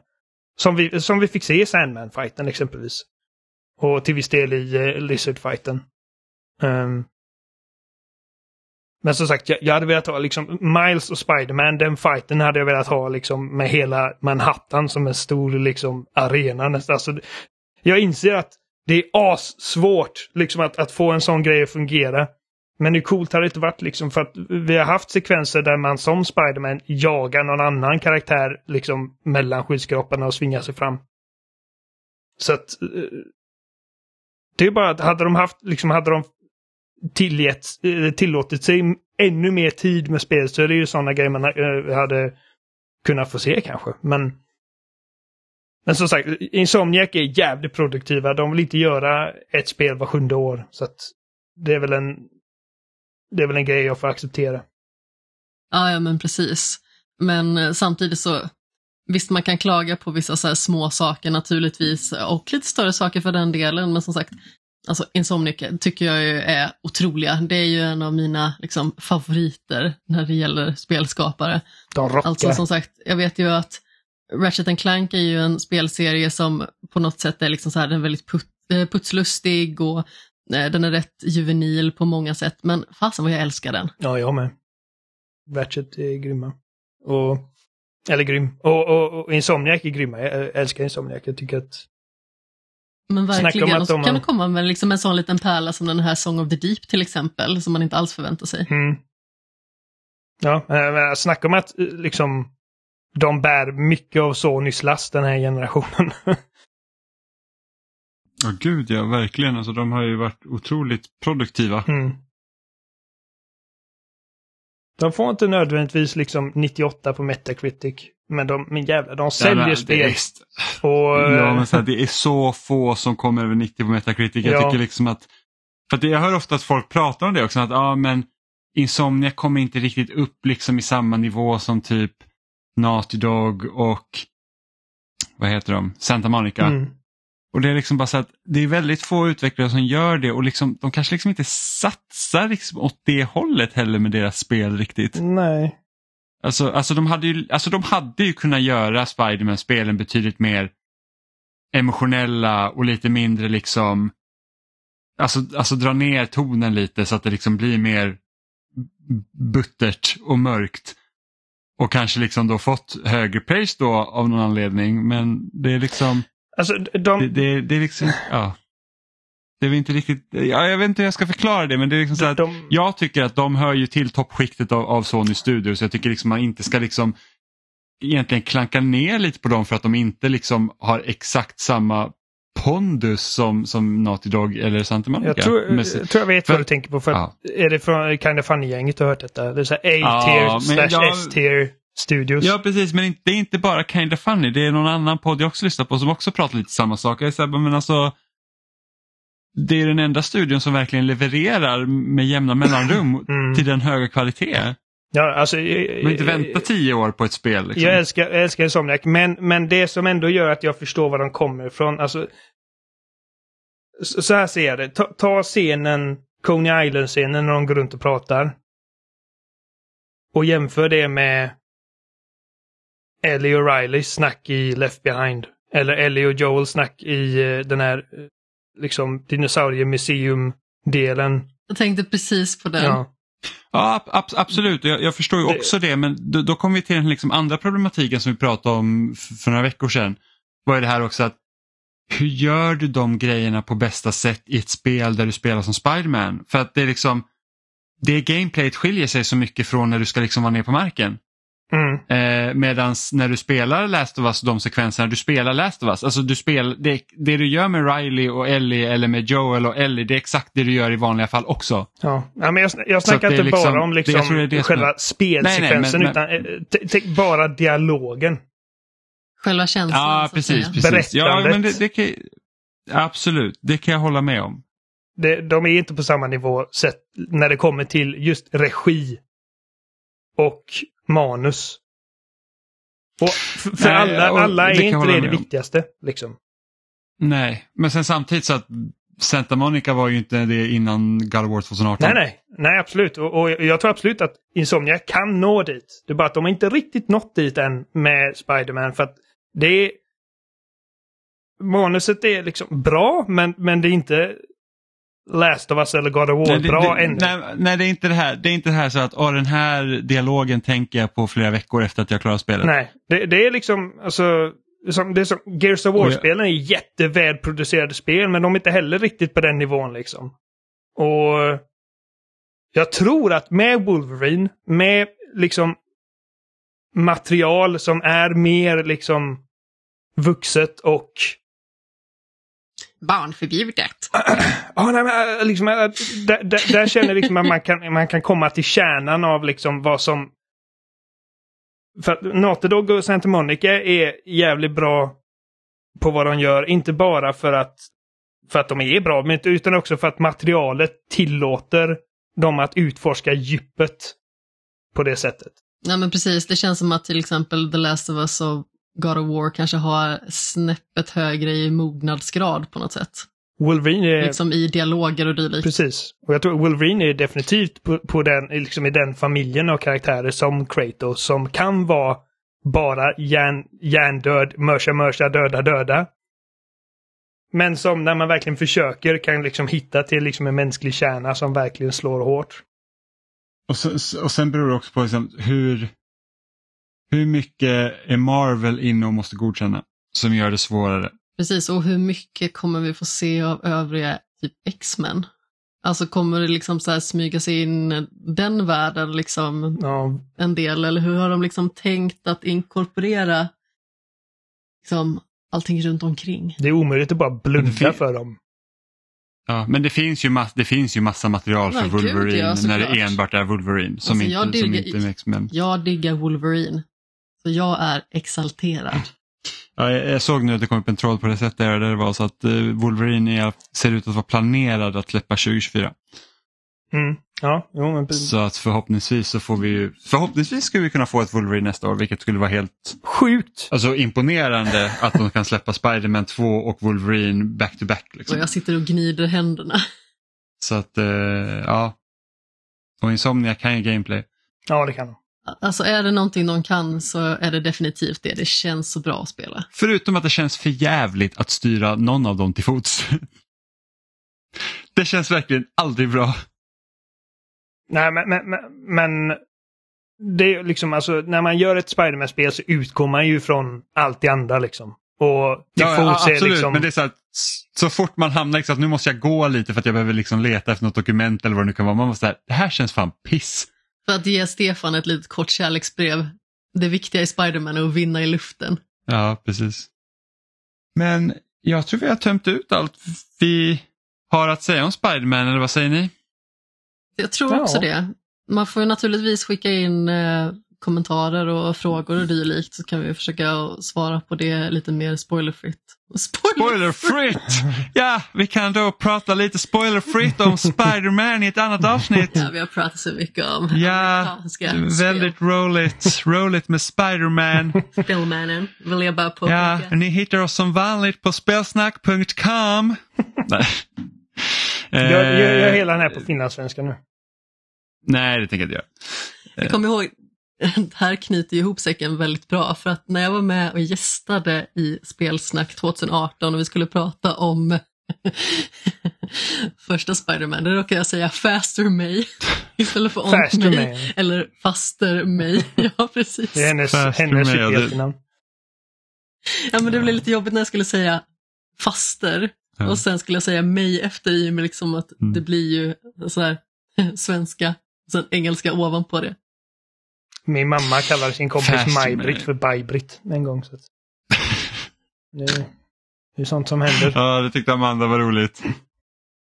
Det tyckte du också? jo, men du tyckte det var extra Bast roligt. hette Jag hon. Så det blev lite. Baj-Britt Mast.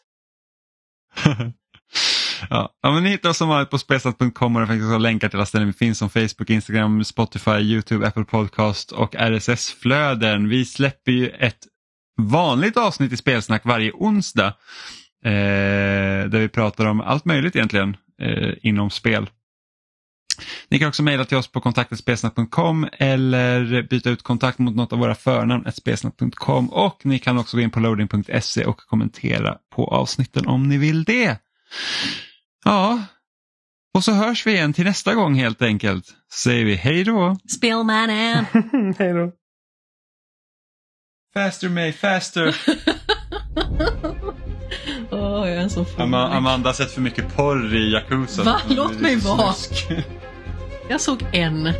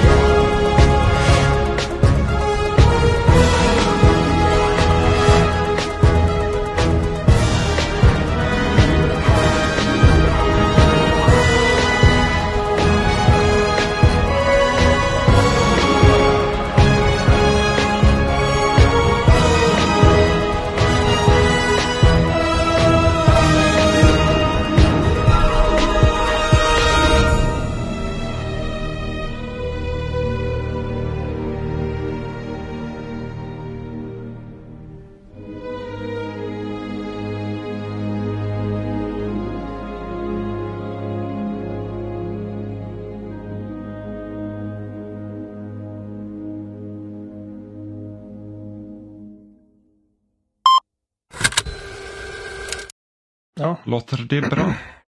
What do you think about the story? Alan Wake Story. Ord. Peaches. Ja, the story pages. En Peaches. saga. Saga. Saga Anderson. Alan Wake. Ja, han fick ju prata sin finlandssvenska, eller finns svings, fingengelska. Svingelska. Svingelska. eh, I ett... eh, Finglish. Ja, fin, Finglish ja, Ja. i ett av de uh, talkshow-segmenten ju. Uh, Fan och Wake även 2 är bra alltså. Ja, det är bra.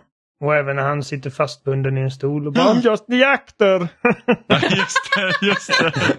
Don't take that knife over there and kill me! What is this story?